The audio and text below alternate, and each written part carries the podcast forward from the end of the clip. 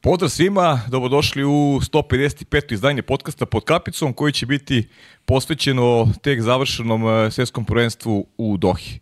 E, pričat ćemo narodno o reprezentaciji Srbije, pričat ćemo o, o celom takmičenju, imamo i interesantne e, sagovornike u ovoj emisiji, uključit će se i Marko Štefanek, dragi kolega i prvi čovjek Total Waterpola, Andrija Martić, cenjeni kolega iz Hrvatske, Maksim Živaljević, kolega iz Crne Gore, oni će malo dati osvrti na, na utakmice i na učinak reprezentacija iz regiona Hrvatske i Crne Gore, a ja bih ovom prilikom želeo da iskoristim da, da čestitam Hrvatskoj na osvojeni tituli prvaka sveta, zaista su i zaslužili i ostvarili nešto neverovatno u mesec dana dve velike medalje nakon onako, onako šokantnog poraza u finalu u Zagrebu na Evropskom šampionatu uspeli su da pokore svet i da po treći put u istoriji dođu do titule koje, kažem, popuno zaslužene i zaista im onako od srca čestitam i, i momcima i stručnom štabu i eto, bit će prilike i na olimpijskim igrama da gledamo jedan, verujem, savršen turnir.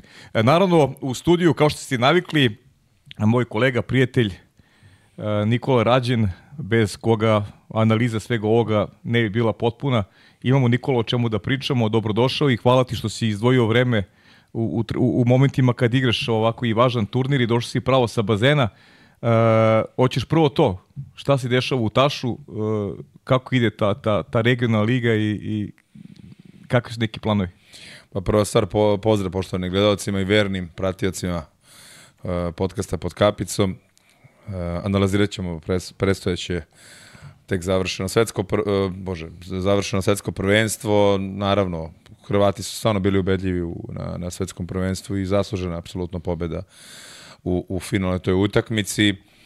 A što se tiče Vaterpolo kluba Taš, pa da kažem još uvek ne ispunjavamo ono što negde mi svi potajno priželjkujemo, a to je ta prva slast pobede da se ovaj, desi u tom ligaškom delu i da se osvoji konačno ti prvi bodovi. A što se tiče Jadranske lige, ne, ne, ni tu ne stojimo dobro. Da, dobro. Ali gledamo da nam ta Jadranska liga posluži kao jednom mladom sastavu, posluži za što bolje uigravanje i za neke ostale mečeve koje nas očekuju u domaćem prvenstvu. Da ne dužim previše, ima još mnogo interesantnih tema u odnosu na, na Taš Majdan i šta se dešava u, u donjem domu srpskog šampionata. Nadam se da će budućnost biti mnogo lakša za, za Vatrpol klub Taš i da ćemo uspeti da, da istrajemo u cilju, a to je da opstanemo u Superligi. Eto. Do, za, za sve je potrebno vreme, ovaj, nisi tako, tako skoro, tako davno u stvari preuzeo, preuzeo ekipu i nadam se da će stvari ići uzlaznom linijom, nemam sumnje uopšte kad ste u pitanju da će to tako i da bude. Nadam se. E, kaži mi, Hrvatska, evo to, negde smo se složili u oceni popuno zasluženo, o, ono što je, što je iz mog ugla neočekivano, mora priznam, da nakon Zagreba i načina koji je Hrvatska izgubila, nisam verovao da mogu duđu da u borbu za medalje. Ne samo da je Hrvatska osvojila titulu, već su Italije i Španije, zemlje koje su osvojale medalje u Zagrebu, to isto ponovile i u, i u Dohi. Ili za tebe to iznenađenje ili, ili nije? Što se tiče redosleda medalja, is, iskreno ti kažem, iznenađenje mi je. Nisam verovao da će slične ili iste reprezentacije biti na tronu. Uh -huh. I u mhm. Zagrebu i na i na svetskom prvenstvu. To se do sada ni jednom nije dokazalo. Evo, imali smo prilike da vidimo Srbija Evropsko prvenstvo 2001. Pa onda finale sa Španijom 2002. u Fukuoki.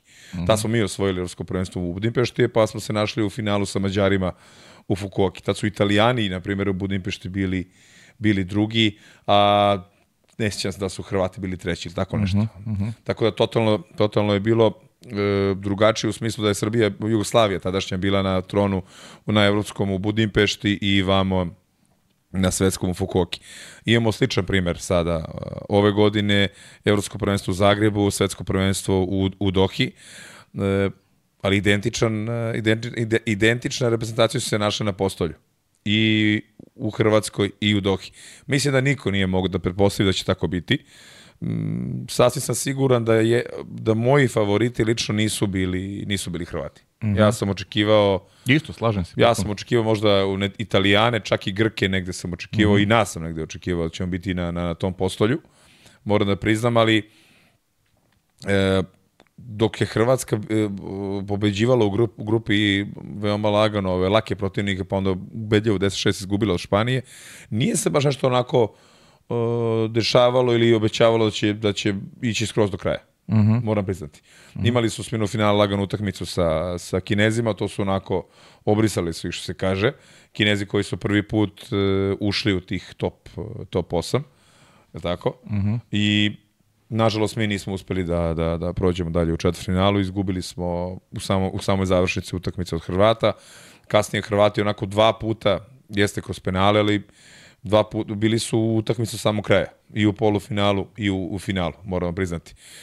Mislim da je Tucak još jednom pokazao da je izvanredan trener. Mislim uh -huh. da će glasine koje su kružile, da će doći njegova smena, potencijalni naslednici koji su se već po, po, pominjali, još dugo, dugo će Tucak bi sedeti na, na klupi reprezentacije Hrvatske. Da, Eto, neki onako kratak da. opis dešavanja malo će pričamo, Ivica Tucak je onako i zaslužio malo i, i eto i sreće na sportskom polju posle svega što je prošao u životu generalno i, i ova dva takmičenja su negde, bilo je zaista, ali bilo i njegovih odluka koji su zaista bile sjajne. Recimo njemu je, Hrvatsko je dve ključne obrne doneo Mate Anić. Mate Anić koji je da, na, penala. na penale, a Mate Anić koji je došao na svetskom prvenstvu se jer se povredio Popadić, da, nije da. bio spreman. Luka Bukić nije igrao. Ali ono što je meni fascinantno kada gledamo po podacima u Hrvatskoj i to je pomoć mog draga kolege Marka Štefaneka, Hrvatska je reprezentacija koja je dala najviše golova na prvenstvu i ono što je posebno impozantno podatak, Hrvatska je imala najviše asistencija na svetskom prvenstvu, čak 88. Druga selekcija po asistencijama Italija sa 63 neverovatno. 25 asistencija su i to je negde pokazatelj timskog duha ove ekipe koje nije klonulo nakon onog poraza onakog poraza u finalu od Španije, što je, kažem, opet i, znaš, to je neko mentalno pravljanje, ti si bi igrač, ti to Jest. mnogo bolje znaš od mene, ali kako su oni na, noš, sna, na, ovaj, našli snage i realizacije igrača više, eto, te, te asistencije koje svedoče o tome da je Hrvatska igrala zaista sjajan vaterpolu i da je, i da je bilo onako za nijansu iznad, iznad ostalih na ovom prvenstvu. Pa sigurno mislim da sada gledalcima može da bude jasno to što ti pričaš i te asistencije i neverovatan podatak koji nisam ni ja znao. Samo da se prisetimo utakmice protiv Srbije koliko su nam golova dali sa igračem više preko stativa. Mm -hmm. Gde ni, mi nismo stvarno imali odgovor na, na njihov pas igru na stativama gde su oni bili ubedljivi. Mm -hmm. Je li tako? Tako je, tako je. Nismo da. se najbolje snalazili sa igračima, mislim, realno moramo to da kažemo, uh, a oni su bili ubedljivi. I oni su strpljivo čekali do samog kraja, maltene u, u, u toj knockout fazi su bili jako uporni i strpljivi u tim segmentima uh, igre. Pogotovo igrača više napada gde su čekali do samog kraja. Da. Imamo i malu promenu odnosno na Zagreb. Fra, uh, Franko Lazić je igrao sada u Dohi, u Zagrebu nije igrao. Takođe nije bilo ni Andrije, e, ni Bašića, nije ga bilo ni u Zagrebu, ni, ni da, u Dohi. Uopšte ga nije bilo, da. U odnosu na prethodne godine. E, mislim da je Tucak jako lepo izbalansirao taj tim i našao na koji način može da, da psihološki utiče njih da iznesu cijelo svetsko prvenstvo posle onog, ubedlji, posle onog šokantnog poraza u finalu u, u sred Zagreba od Španije. Da. I gola Granadosa zadnji, zadnji minut. Bukvalno. Pritom, pritom nije bilo ni Luke Bukića zbog povrede, da. koji je vrlo važan da. igrač takođe za hrvatski tim. Pa dao je tri gola u finalu u Zagrebu. Tako je. I pazi šta ti je sad, znaš, šta ti je sudbina, šta je, šta je život sportski i kako god. Uh, Tuca koji je rekao posle Zagreba da su osvojili titulu prvaka Evrope, on bi odmorio groj igrača za svetsko prvenstvo. Pa naravno. I naravno. O, ispalo je još bolje za Hrvatsku što je Granados dao taj gol. Pa ne, zaista, znači ti imaš, A imaš to dve šta je velike bolje, medalje. to sad kolega naš možemo Pa, pričamo. pa dobro, bolje je zato što će svoju svetsku titulu. Sad ne, ne pričamo o, znaš, o igračima, ovaj, pričamo o, o nekom umoru potrošnje igrača. Ti sad imaš svetsko, imaš da, ali, da, evropsko da li srebro i pričamo, svetsko da li, zlato. Da li pričamo Zagreb, eh, prvak Evrope pred svojom publikom ili doček posle Dohi? Šta je bolje? Pa dobro, ali ti imaš, i, imaš dva uspeha u mesec dana. Pa ne, Ovako pitanje je šta bi bilo, Kad osvojiš svetsko, onda je uspeh. Znaš. Pa da, pa dobro jeste, ali ipak je bolje biti svetski šampion nego evropski šampion. Malo. Slažem se, slažem se, da. ali sećaš se kad smo pričali, bukvalno dok smo prenosili utakmicu Srbija, Amerika, da, da je hrvatska reprezentacija, ja sam rekao da je hrvatska reprezentacija takva reprezentacija da bolje igra pred svojom publikom Jeste. i tako dalje. Jeste. A oni su totalno sad od, od, ono, uh, odradili suprotno nego ono što smo pričali, to je što sam ja pričao. I isto, ja sam to bio. Ja, ja sam stvarno mislio da Hrvatska će imati problem da, da uđe u polufinal. I nekako se vidio Srbiju kao favorita u tom meču proti, proti Hrvatske, ali, ali su stvarno momci, evo kažem, i zato i pričamo o tim asistencijama, kažem, uz pomoć Marka Štefaneka koji, i Total Waterpolo koji, koji radi statistiku bolje nego što radi World Aquatic generalno, znači bolje su slonite njih nego na zvanične, da, na zvanične da. sajtove i stvarno je impozantna statistika, podatak koji govori o tome koliko su oni bili dominantni, koliko su bili, koliko su bili tim. Evo, sad nije dominantni, kad pogledaš kako su prošli, e, bili su pravi tim. Donosili su prave odluke i tucak i igrači u momentima kada su se utakmice da. lomile. To je, to, to je ono što je najvažnije. Mm, jeste. Bili su najbolji kad je bilo najpotrebniji. Da. A to govorimo sa preduslovom ovim, da su bili u finalu u Zagrebu koji je bio, koji se završio samo 20 dana posle i Doha, dolazak tamo i tako dalje ne laka grupa i ne lak raspored kroz tu nokao fazu. Mora se složiti, tako? Imali tako su je. Srbiju, pobedili su, pa su dobili Francusku, Francusku na, peterce, znači Francuzi koji su se ponovo uspeli da se vratiti, to je posljednja četvrtina gdje su deklasirali favorizovanu Mađarsku. Znači, nije, nije, nije malo lag bio put. Jako mnogo veliko, veliko emotivno praženje, možda čak i veće u odnosu na Zagreb. Mm -hmm. I ekipa je uspela da sve izdrži, dođe do samog finala i da završi. Sada penali više nisu lutrija, ma, moramo da, i to da kažemo. Ma kakva lutrija, mislim ni, da, ni, ni blizu nije. Da, mislim da se i oni sad vežbaju i da se redosled, da kažemo, izvođača ili ti pucača zna koji je, da se to vežba i na treningu, što, što golmani brane, što igrači pucaju. Znaš, mislim da je to je sad postoji deo statistike ko gde šta, kad šutira. Više nije da golman pamti. Sad je to postala i timska statistika u odnosu na, na protivnika. To je, da, na da. primjer, novina. Mm. To je neko, to je mentalna snaga uh, odakle se trpi i neko samopouzdanje koje imaš, crpi. Uh, zaista je, uh, nikad se nisam složio sa teorijom bilo kom sportu da su penali lutrije. Da. Ne, to je odraz, odraz znanja, odraz kvaliteta. Pa znaš, imaš psihološki moment kada Tucak ubacuje Anića i on brani dva penala. Mm. U polufinalu i finalu. Znači, Aniću je u, u, učinak koji? Provedenih minuta u bazenu, dva penala. Najbitnije. Dva, najbitnije. A da. Ma da, fenomenalno, kažem. Da. Sve, Ali sve to ne može ovo... da bude lutrija, mislim, razumeš šta, šta, šta... Ne, tako je. Kakav će utisak ima? Evo, ja sam ubeđen bio, e, gledo, gledali smo naravno svi finali Italija-Hrvatska, ja sam ubeđen bio nakon onakvog napada Italije, koje nije razmišljao napadu ni jednog sekunda, oni su gledali da potroše vreme da bace loptu da. i se na, da se oslone na obranu. Ubeđen sam bio da Hrvatska daje gol. Takav mi utisak bio konstantno da Hrvatska ne može da izgubi. Delime što se slažem s tobom, ali mislim da su italijani pali u odnosu na, na, na prvo polovreme sa njihovom igrom i sa njihovim ritmom. Hrvatski centar su iznali najveći, najveći deo u tom finalu i davali su jako veliku sigurnost. To je ono što, što italijani nisu imali u tom finalu. Mm -hmm. Ipak su hrvatski bekovi odradili mnogo bolji posao. Uh, jako bitan igra za Hrvate je bio... Da Hrvatski ima mnogo bolje centre. Se, da, da, pa ne, ne, ima da bolje centre, ali mnogo bolje. i hrvatski bekovi su iznali jako veliki posao. Uh, što se tiče Burića, uh, bio ja bio odličan, je tako? Jest. Bio odličan, unapredio svoju igru u napadu, mnogo bitnih golova sa te stivaju sa igračem više, tako da sve u svemu cela, uh, cela reprezentacija imala svoj deo. Harko koji i u, u polufinalu i u finalu na početku otvara jako jako dobro igrača više gde daje 2-3 gola. E, nimalo ne kaskaju za njim, e, ne znam, Fatovica kontrom i tako. Znaš, mm -hmm. kad to sve sklopiš i onda sa ta statistika koju ti govoriš negde ima smisla. Mislim, moramo složimo, tako? Da, pa statistika ne laže. da.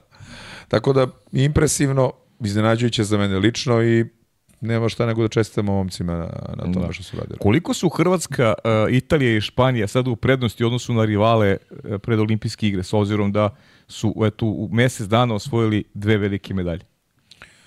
Pa sigurno psihološkoj prednosti veoma ve, puno. A što se tiče igrački i samog rasporeda turnira, to ćemo tek vidjeti. Grupe, grupe uopšte nisu lake. Nisu, pričat Mislim da su, da. da su jako teške. Da se osvrnemo na Srbiju, možemo, možemo da kažemo onako da smo mnogo bolje pošli, na primjer, nego, Jesmo. nego ova druga grupa. Tako, realno. Sigurno. Nama je samo da, da pobedimo Japan i Australiju, već smo se našli u, u četiri najbolje. Da, pa da. Jest, jest. A tu, Ali, tu i realno i Francuska od koja je težak rival, ali i dalje Francusku. Pa ne znam da li više Francusku da ubrajamo u taj, taj donji dom. Pa ne, ne ubrajamo u donji dom, ali kažem da su i dalje ovih, ovih e, sedam reprezentacija jači ipak od Francuske. Znaš, e, to, to, to je činjenica. Jeste, ali Francuzi igraju kući. I sigurno da. sam ja da će i ceo stručni štab i uh, igrači imati još jedan dodatan motiv, pogotovo što se igra u Parizu. Uh -huh. Tako da, ajde vidjet ćemo, da sad ne nekrećemo sa teme, ali psihološka prednost je ogromna na strani, na strani Španije, na strani Hrvatske, pogotovo posle ovih dobrih rezultata, da ne izostavimo Italijane i, i, i, i Mađare, čak ni Grke. Da, pa mislim nikako. Tako nikako. Je. To, to je... Ja znam da ti Grke nešto ne voliš, da nešto... Ne, ne, nije ovaj... tačno. Ja, nije tačno. Ja, ja Grke jako pošto, ja, samo, ja sam samo razočaran kako su oni igrali. I odmah ti kažem, evo, evo šta, je, šta je moj utisak neki vezano da pređemo sad na Srbiju. Mislim da, da, Srb, da u ovom momentu da Srbiji najmanje leži Grčka kao rival. Tri, pre, tri prethodna duela sa Grčkom, to je, mi nismo u priči protiv Grka. Pa slažem okay, se. to su dve utakmice koje, koje nisu odlučivale ništa, da. ništa veliko, ali ti opet vidiš u igri da, da teško možeš da im pariraš. Čak Grčka koja igra sada bez Fudulis ovaj meč za, za peto mesto, ne znam ko još nije igrao, još, još neko nije igrao od Fudulis je odmarao, to sam siguran. Argiropoulos se znala da nije igrao. Igrao je Argiropoulos. Igrao je. Argiropoulos Ipolo, ne znam, zaboravio se ko je još bio na tribinama, znači, ali, ali je naš utakmica koja je bila manje više jednosmerna ulica. Iako je Srbija mogla se vratiti nešto da. s početka četvrte četvrtine, međutim, ti, ti ovaj, vidiš da se, da se Srbija muči. U, Grčka nije imala dervis u celo, celo svetski šampionat. Tako je, da. Pa dobro, to je, to je, to sad već... Je svetski šampionat, da. da. Uh, pa ne odgovaraju na Grci danas više, danas možda malo i uspore i da nam na taj način uspore celu igru i ceo napad, gde mi nismo uopšte ubojiti protiv njih. Malo, malo delujemo bez, bezdejni kad igramo mm -hmm. protiv Grka. To je jedino možda neki problem. A utakmica protiv Grčke uvek je nekako došla u neko nezgodno vreme. Aj sad, ne, ne pravim, ne pravdam ili ne umanjujem pobedu Grčke, ali uvek je nešto došlo u neko nezgodno vreme gde naši igrači su stvarno onako, vidi se da su teško, teško igrali te utakmice. Mm -hmm. to, je, to je moj neki utisak. Sad, a, ti ja znaš šta mi te priča, da, da ti uvek misliš da, da može da bude bolja ta Grčka i pa da, pa da li je problem kod njih, da li je problem sa selektorom. Sa, ne znam koliko je to realna priča da, da postoji problem sa selektorom, jer oni realno su sa vlakom osvojili sve što se može osvojiti posljednje tri godine. To je bronza, bronza na svetskom, srebro na svetskom i, i olimpija, olimpijada svet, srebrna medalja. Srebra, da. Znaš. Pa i ovde, ovde su bili, oni su ovde sami izgubili utakmicu protiv Italije to, da. final. To da, to im se nudila, nudila im se. Dobio meč, u džepu su imali. Jeste. Otvaranje odlično je bilo 4-2, pa onda onaj brutality Argiropolosa koji se desio, nesmotren. Nesmotren, ali su oni to pregrmeli jako dobro. Jeste, zamenili su golmana. Tako je. Pa je vratio, si, pa je vratio. Tako si bradio da, da, samo tokom brutality. Jeste, pa je vratio onda Zerdeva se gde su oni bili u igri, ali ajde, manjak nekog iskustva, završnice, tako da Bili su jako blizu Grci. I ne bih tako lako otpisao za Ne, ne, ja, ja ih uopšte ne otpisujem, ja ti samo kažem, ovaj, ja njih vidim kao najozbiljnije kandidate ovaj, za, za, osvajanje, za osvajanje medalje. Imaju, da. imaju moćan tim. Stvarno su na, svake, na svakoj poziciji, pritom sad ovaj, ovaj momak novi e, centar koji pa, takođe daje, daje neku, Niko, neku Nikolas širinu rostera. Da. Stvarno su, stvarno su, ovaj, što se kaže, na svim pozicijama popunjeni fantastično i imaju tu već neku igranost koja, koja im Uh, nego, znaš, sad vidit ćemo kako će se odraziti ovi rezultati, ova dva loša rezultata, realno, ovi koji su imali u Zagrebu i, i, i Dohi. Pa za njih loše, nisu nastavili taj kontinuitet, desila im se dva, dva velika prvenstva u kratkom vremenskom periodu, očigledno da im to ne prija. Bez polufinala. Jeste. E, nisu imali ceo roster na, na, na, na, na broju, ali tog momka si pomenuo, jako interesantna je priča vezana za njega, on je otišao, uh -huh. on, on se otisnuo posle mislim da je ono za Glifadu igrao, otisnuo se posle za, u, u Sjedinjene američke države gde je nastupao za College Berkeley. E, osvojili su prošle godine prvenstvo i bio je, po NCAA je bio najbolji igrač ili ti MVP celog finala i šampionata. U finalu dao 7 golova. Bio je baš onako ubojit i mislim da njegovo vreme tek dolazi. Ali mislim, imaš Kakarisa, Nikola Idisa i, Šov, i trećeg, koji je poslednje dva meča, mislim, stalno bio u sastavu. Jeste, jeste, da. da. Tako da Grčka će biti sigurno nezgodna. Da li će doći do promene u sastavu? Možda doći do promene, evo, e, Gilas je, Gilas je igrao odlično na ovom svetskom Jeste. prvenstvu. Umesto Dervisis, se, Dervisis nije bio u, u pogonu. A, vidjet ćemo šta će se dešava. Vidjet ćemo šta, se, šta će da se dešava. Imaju neku kubure, neku muku Grci, ali znaju da igraju kada, kada to treba. Realno. Da, ono što će biti problem, ta, ta grupa gde, gde je Grčka A grupa, da. olimpijskim igrama, tu će biti neka seča. Neko, neko od tih uh, kvalitet, jedna od tih kvalitetnih ekipa će biti eliminisana. Da, biće, pitanje, biće iznenađenja, sigurno. Biće sigurno neko iznenađenja. Ovo je, ovo je grupo nekako se lakše onako kristališe, tu se već vidi da te četiri ekipe koji bi trebali da idu dalje, Mađarska, Španija, Srbija i Francuska, realno, u konkurenciji Japana, Japana, Japan koji je popuno razočaran na svetskom prvenstvu, drugačija slika čak i u odnosu na Fukuoku da, da. i to mnogo drugačija. Australija, nažalost, koja nema više ove glavne, glavne zvezde, pričali smo o tome x puta, nisu, nisu na, na tom najvećem nivou, mada verujem da će olimpijskim igrama biti bolji nego na svetskom šampionatu. Znamo da se Amerikanci i Australijanici uvijek pripremaju onako posebno za, za olimpijske igre, ali tu će ovako biti raspored tih meča, četiri finala će biti zanimljivo, ali ajde, da ne pričamo igram, imamo ovde još mnogo tema. Srbija, Nikolaj, da idemo, možda smo i teli i trebali od početka krenemo, ali smo dali, naravno, našim konšijama i, i, i šampionima sveta ovaj prednost. E, kakav je tvoj utisak o, o igri Srbije, pa ćemo da se fokusiramo posebno na taj meč sa, sa Hrvatskom koji je bio, koji je bio krucijalan? Pa u odnosu na Fukuoku i u odnosu na Zagreb vidio sam mnogo bolju Srbiju bez obzira što smo Fukuoki zauzeli to četvrto mesto što smo bili sigurno mm -hmm. korak bliže medalju u odnosu na Dohu, ja sam video odličnu igru Srbije. Može to sigurno mnogo bolje. Nedostalo je možda malo istrpljenja, nedostalo je možda malo više iskustva u tim završnicama. Pre svega kada to kažem, mislim na utakmicu protiv Hrvata i četvrtfinala, posljednja tih tri i po minuta, onako mi dosta kvari ceo utisak igre Srbije. Mm -hmm. e, imali smo tu ishitrene neke poteze, brutality manding koji se desio, pa onda o, Rašovića, Strahinja Rašovića, šut, pa neprecizan pas prema, mislim sad e, onako prolaze mi kroz glavu te stvari koje, koje su dešavale, ali mi smo nekako, je moj osjećaj da smo imali te Hrvate da ih dobijemo. Da se nisu desile ove stvari koje sam nabrojao tih poslednjih 3,5 minuta, mislim da bi mi kao reprezentacija pobedili Hrvatsku, što ne bi bilo nezasluženo, apsolutno mm -hmm. zasluženo, jer smo parirali od početka do kraja. U, imali smo u odnosu na na grupnu fazu imali smo možda malo lošije raspoloženijeg uh, Filipovića, mm -hmm. gde, gde je sakupio dosta odbrana kada smo igrali u grupnoj fazi protiv uh, Amerikanaca. Pa i Amerikanac protiv Crne Gore. I Crne Gore, pre vas. Dakle, je. Pa baš sam, baš sam govorio, ne treba umanjivati, ne treba zaboraviti ubedljive po, po, pobede protiv Crne Gore i protiv Amerike. No, pa mi, smo nije, kao, mi smo kao prvi u grupi otišli direktno na Hrvata. Mm -hmm. To smo do nekli hteli. Prvi, prvi cilj pre odlaska na svetsko prvenstvo bio plasman na olimpijske igre, što smo, što smo uspeli da ostvarimo. Tako da svaka čast momcima na tome. Mislim, ajde da gledamo, da se nismo plasirali na, na olimpijske igre, bilo bi jako velika bruka. Mm -hmm. Realno. Od 2000-te, to jest od 96. smo mi stalni učesnici olimpijskih igara. Od 2000 da smo stalni posetioci tog uh, postulja za medalje. Da, da, redovno su ostavljeni. Ako gledamo tako kažem, sigurno bi bilo mnogo draže da smo ušli u polufinale pa da vidimo šta bi se desilo u polufinali, ali, ali ova generacija, e, stičem utisak i sasvim sam siguran da ovoj generaciji na neki način prija provedeno, vreme provedeno zajedno. Od decembra meseca kada su se skupili i kada je bio onaj prvi spisak do sada e, februara kada se završilo kada se završilo svetsko prvenstvo, videlo se da, da kada su momci tu videlo se nekako bolje igra. Me, moj, moje neko mišljenje je da, da ta reprezentacija što je više zajedno, to će biti bolje po njih, jer oni još uvek treba da, da se dvaraju, da kreiraju atmosferu i me, između njih i da proradi ta hemija. Talentovani su i mislim da, da, da još uvek nisu pokazali koliko mogu.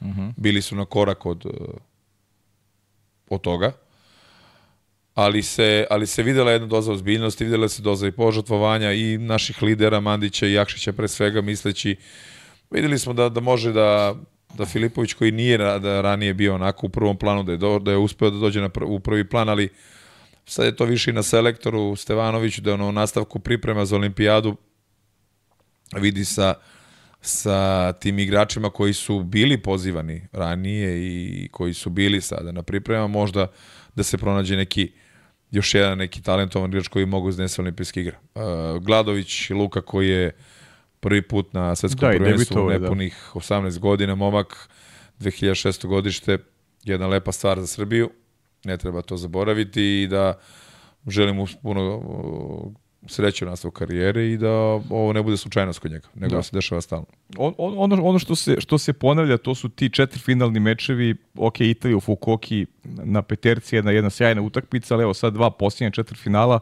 ovaj, mi pričamo o tim četiri finalnim utakmicama, sve je dobro izgledalo onako u grupi, dobro, Zagreb i nije, nije neki reper, ali tu u četvrfinalu to ono što nedostaje ekipi, da, da tim nekim kritičnim momentima donosi prave odluke, ono što je Hrvatska radila pa na kraju je došlo do svetske titule. Mnogo je pitanje bilo, rekli smo da nećemo da, da ignorišemo i neprijatna pitanja, ovaj, mnogo pitanja je bilo vezano za, za Baneta Mitrovića. Dobro. Uh, da li smatraš, da li smatramo da je Uroš Stevanović tokom te utakmice Hrvatskom trebao da, da menja golmana u situaciji kada je recimo Filipović na polovremenu imao nula odbrana, što je, o tom je pričao i Andrija Prlinović, što možemo da se složimo sa tim, kad, je, kad golman ima tri odbrane, teško da može dobiješ utakmicu u četvrfinalu, a Filipović je realno tom meču imao tri odbrane, uz dodatak da ono što je moje mišljenje, da Filipović je svakako sad sebe preporučio da je tu, da može na njega da se računa, ta utakmica je bila neka, ajde da kažemo, anomalija, nije to bila samo, ajde da kažemo, njegova loš, loš dan, imali su ga loš, loš dan su imali monci koji su, eto, ja kažem, bili tada u tim nekim defozivnim jedacima, nisu to bili možda najbolji ni blokovi i tako dalje, ali realno, da li misliš da je uh, uh, u polovremenu ili možda kraj treće četvrtine uh, Uroš mogao da menja Filipović i da ukaže poverenje iskusnijem Banetu Mitroviću? Pa da li je mogao, da li nije mogao, mi sad možemo da pričamo ono što se nama sviđa. Možda je ipak, možda je mogao, a opet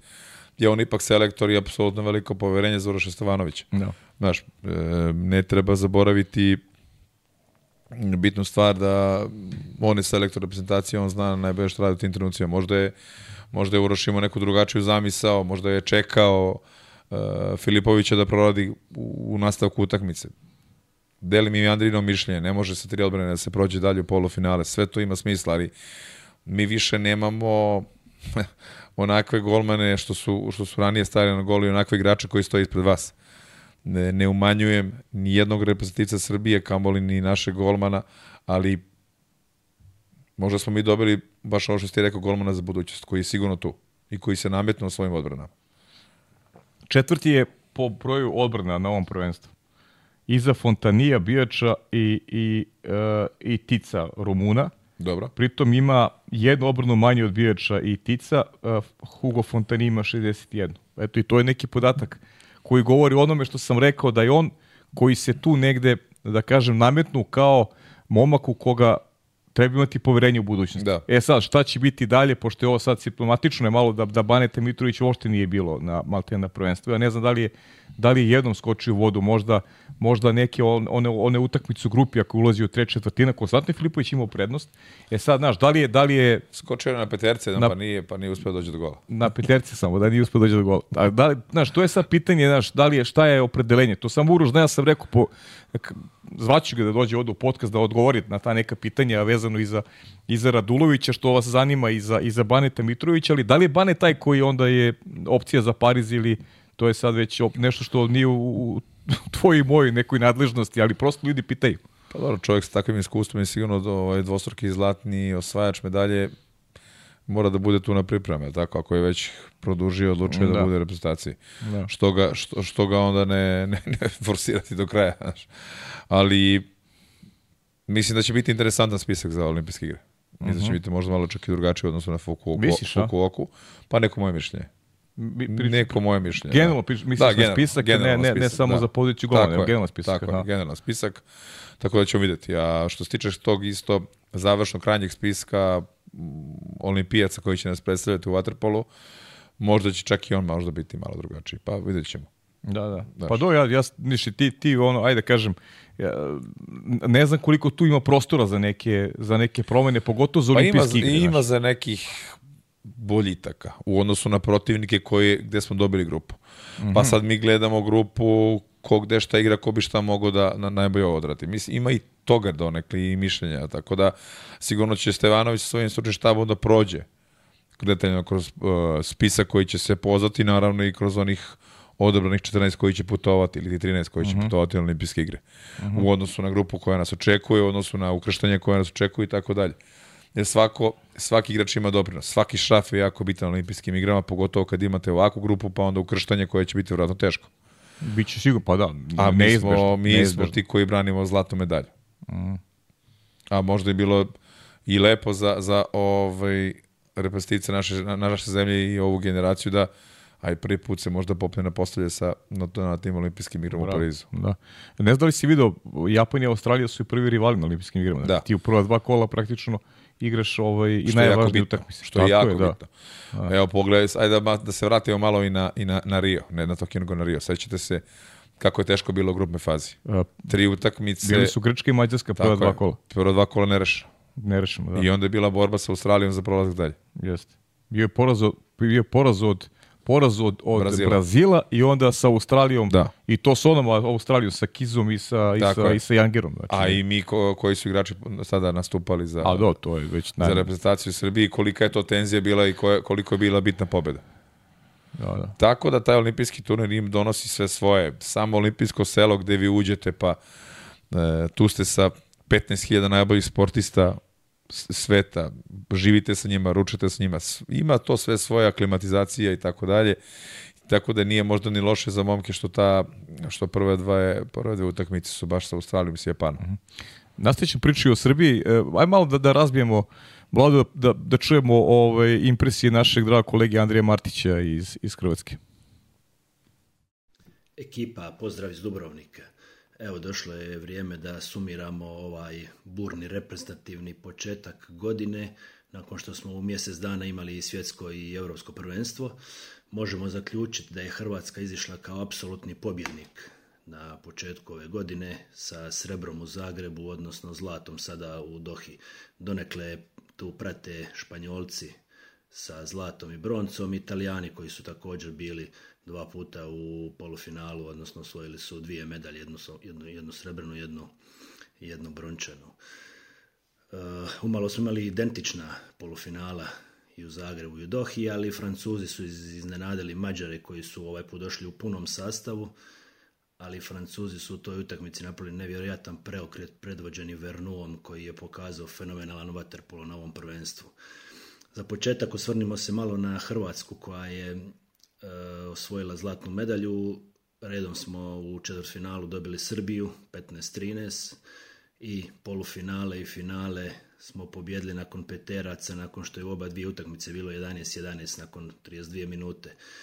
I ova utakmica protiv Srbije, dva razlike, u biti bila neizvjesna do na zadnju loptu, presudilo je, odnosno Srbija izgubila šansu za eventualnim odlaskom na peterce nakon što je nakon VAR pregleda Mandić dobio, odnosno što mu je suđen brutality.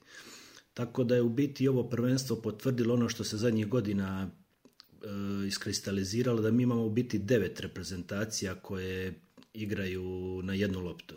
Imamo tu znači vrhunski, vrhunsku zanimljivost na samom vrhu što možda nikad nismo imali u waterpolu. Međutim, problem je što imamo i četiri reprezentacija kao što su Kina, Brazil, Kazahstan i Južnoafrička republika koje su ne, mislim, može se slobodno reći da su zalutale na ovo svjetsko prvenstvo, a to je jako veliki broj, 4 od 16 reprezentacija, znači mi imamo situaciju u Waterpolu da imamo praktički samo 12-13 re- reprezentacija na čitavom svijetu koji zaslužuju igrati na svjetskom prvenstvu.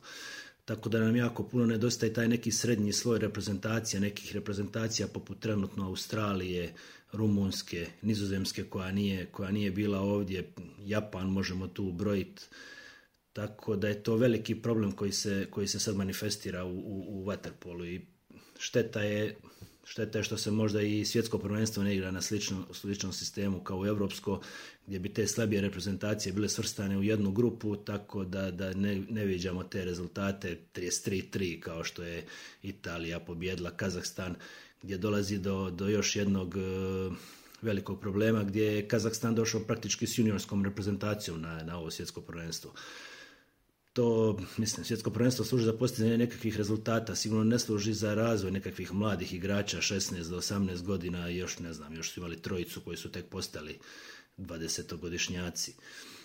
E, međutim, isto tu može se uzeti u obzir i to da mi imamo svjetsko prvenstvo svakih šest mjeseci, tako da da se ti igrači nemaju gdje pripremiti. Mislim da bi se svjetska prvenstva trebala svaki četiri godine, evropsko prvenstvo svake četiri godine, tako da se ta natjecanja iščekivaju, tako da tu vidimo vrhunski vaterpol gdje se reprezentacije pripremaju za ta natjecanja, ne da imamo ovu situaciju gdje u mjesec dana imamo, imamo dva velika natjecanja, pa se to pa se to svede na, na mislim, ljudi, drugi ljudi se vjerojatno smiju kad vide da, da, da se u vaterpolu tako nešto događa. Ovaj, međutim, ova dva rezultata Hrvatske, odnosno još Španjolske i Italije koje su se također tu bile pri vrhu, to sigurno daje nekakvu prednost te tri reprezentacije pred Pariz, što je kruna, kruna ovoga ciklusa, odnosno olimpijski turnir.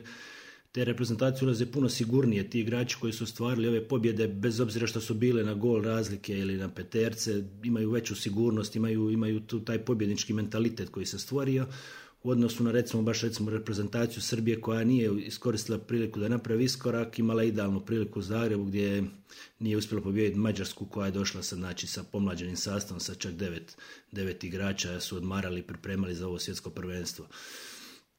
Također, osim e, Srbije, izdvojio bih u negativnom kontekstu Crnu Goru koja je godinama evo, pomlađivala, pomlađivala, pomlađivala reprezentaciju i sad je došla u situaciju da ti mladi igrači moraju pomalo stasati, ali nismo vidjeli, ne da nismo vidjeli iskorak, nego u biti stagnaciju, odnosno čak rekao bih korak nazad u odnosu na neka prethodna, na odnosu na neka prethodna natjecanja. Evo, dobili, plasirali su se na, na olimpijske igre tako da su dobili još, još, neku, još neko vrijeme da, da se to malo stabilizira.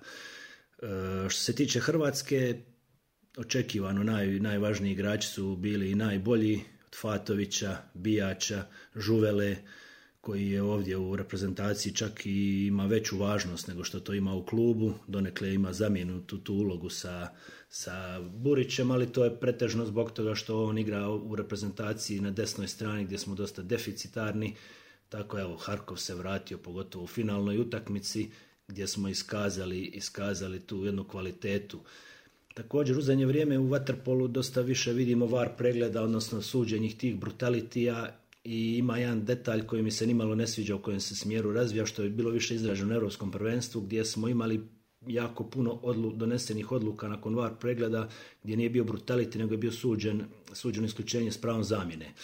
To se sigurno u Waterpolu ne može gledati preko vara, taj nekakav intenzitet, nekakvo guranje, znači Svakako se treba ispriječiti brutalnosti poput one što je Halok učinio protiv Jakšića, gdje, gdje se to sve treba dobro, dobro vidjeti, iskoristiti ta tehnologija, ali isto tako ne smije se dogoditi da s jedne strane bazena imamo podvodne kamere, a da s druge strane nemamo te podvodne kamere, tako da, da to isto reklo bi se da je smiješno da se tako nešto može dogoditi na svjetskom, na svjetskom prvenstvu a opet taj kriterij suđenja, ti, ti var pregledi, ti češća zaustavljanje igre nisu doveli do tega da mi imamo nekakvu tečnju, nekakvu čišću igru. Evo recimo u finalu Italijani su se nevjerojatno od prve minute, to je čista tučnjava, ulaženje stalno u protivničkog igrača. Mi smo na kraju imali 18 isključenja štopeteraca na oba dvije strane, dakle 36 suđenih e, izbačaja. Imali smo 11 kontrafaulova, trebalo ih je biti još barem 11. Znači igra nije dobila na toj na toj kvaliteti čistoće, odnosno da, da vidimo što više umijeća, što manje tog potezanja. Italijani su to konstantno radili, to je bila njihova glavna, glavna taktika, tako da, mislim, htjeli su na taj način kompenzirati to što imaju puno manje kvalitetne sidrune u odnosu na Hrvatsku, a međutim imali su, imali su tragičara Disomu koji je odigrao nevjerojatno loše, donosio konstantno krive odluke, koji je odigrao ispod svakog nivoa, a malo mi je začuđujuće da ga je kampanja nakon tih totalno nerazumnih odluka, tipa igrač više dobije loptu na desno krilo, puca u prvoj sekundi protiv postavljenog bloka i protiv postavljenog bijača, kasnije se to još ponavljalo, ulazio je u klinčeve, guro se, udaro se, pored tih takvih takvih poteza da nije da ne bi odmah nakon toga završio na klupi. To mi je bilo malo, malo neobično što se tiče što se tiče Italije ako jasno mi je ta njihova ta njihova agresivnost tako oni kompenziraju manjak manjak kvalitete. Di Fulvio stalno ulazi u igrača koristi tu svoju reputaciju. Od četiri puta možda ćemo suditi jedan put kontrafaul, dva put će biti peterac, jednom će biti isključenje, tako da, da je to svakako njihova taktika. Krenuo sam se na Disomu, evo mi smo opet igrali ovaj naš vaterpolski fantazi, zato što je on bio moj prvi pik e, na draftu i nisam se baš usrećio usrećio s njime. Svakako bi trebalo izdvojiti Vernoa koji je zaslužio, po fantaziju je bio uvjerljiv i mislim da su oborio i rekord po broju osvojenih bodova na nekom natjecanju, što mi već, evo nam je deseto ili jedanesto izdanje fantazije, još tamo od Rija igramo svako natjecanje imao je 47 fantaz, tih fantasy bodova i mislim da je bio apsolutno MVP ovog prvenstva, ne u tom virtualnom svijetu, nego i u realnom svijetu, s obzirom na način na koji je odigrao. On je upravo suprotnost toj, talijan, toj italijanskoj ligi, tu svoju snagu uopće ne koristi za te nepodopštine, odnosno te polu, polu dozvoljene poteze ili nedozvoljene, nego, nego igra čisto, lijepo, baš ga je užita gledati, dovoljno mu je dijelić sekunde da u, ne znam, u kontri 6 na 5 da ovaj igrač koji je malo zastao iza njega da, da se digne, da na prvu pogodi rašljene obranjivo, baš je onaj, baš ga je užitak bilo gledati, pun je pogodak e, što su ga Bruzo i Kobeščak prebacili na vanjskog igrača što im je dalo priliku s obzirom da se Bodega vratio igrati za Francusku, tako da su imali dvojicu igrača, njega i Saudidija da pokriju poziciju Sidruna. Mislim da je verno budućnost Waterpola, da će njegove prezentacije u budućnosti biti sve bolje i bolje i danas sam čitao intervju s Kobeščakom koji je izjavio da i ovi stari igrači moraju prihvatiti da još više njega staviti u taj prvi plan, Nevjerojatno je da je francuska reprezentacija došla do polufinala, gdje je to polufinale izgubila na peterce, gdje je ona u biti taj Verno, ta prva zvijezda, prvo ime, a dok još ima 3-4 igrača koji mu tu uskaču, prvi plan pomažu, dok je ostatak reprezentacije ispod, dosta ispod tog nivoa polufinala svjetskog prvenstva, a tu su se, tu su se našli kad bi, kad bi gledali ostale igrače, odmah je tu iza njega bio Di Fulvio, odnosno Fatović po tim fantazi bodovima, a prvu sedmorku bi činili Aguire na golu, Burić na beku, Bodega na Sidruna, Verno i Di Fulvio dakle lijevo, a Zalanki i Harkov na desnoj strani. Tako da je to opet bilo jedno zanimljivo natjecanje. Čestito bi pobjednici Lej Pavić u ovoj našoj ligi koja je bila jedina e, cura, u, odnosno žena u toj našoj ligi povela je nakon dva, tri kola i držala je, držala je prednost do samoga kraja.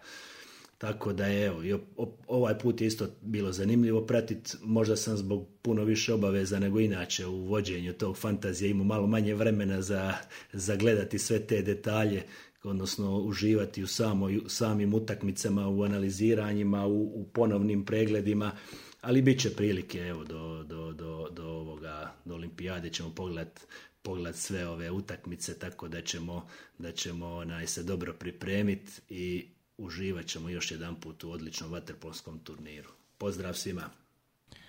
Čuli smo Andriju, čuo si Nikola Andrija malo, malo eto, više oko anali, on, ono kao i uvek lepa analiza njegova i zaista jedva čekam da, da dođe u Beograd bude gost ovde, ovde u studiju ovaj, akcentovao je i misli da je dao onako jednu lepu, lepu dijagnozu svega ono što videli na turniru sa akcentom naravno na na Hrvatsku i na onu primjenu VARA o kojoj ćemo govoriti nešto kasnije kada budemo onako imali poseban, da kažemo, odeljak o suđenju i nekim anomalijama koje su pratile prvenstvo, posebno jedna koja čak i nije ugledala svetlost dana, a podelit ćemo je sa vama Nikola ja malo, malo kasnije. E, ajmo da, da, da nastavimo ovu priču o, o Srbiji. D, d, dakle, e, zaista jeste i utisak i moj da, da postoji pomak. E, Naravno imam mnogo kritičara kad se izgubi utakmica, ovaj, ba i kad se pobedi, ljudi su onako više skloni tome da, da kritikuje. Možda je onako senku malo na kraju taj, taj, ta utakmica sa Grčkom, gde, gde smo realno očekivali opet da bude malo, malo egal i možda se prekine ta serija loših rezultata koja, koja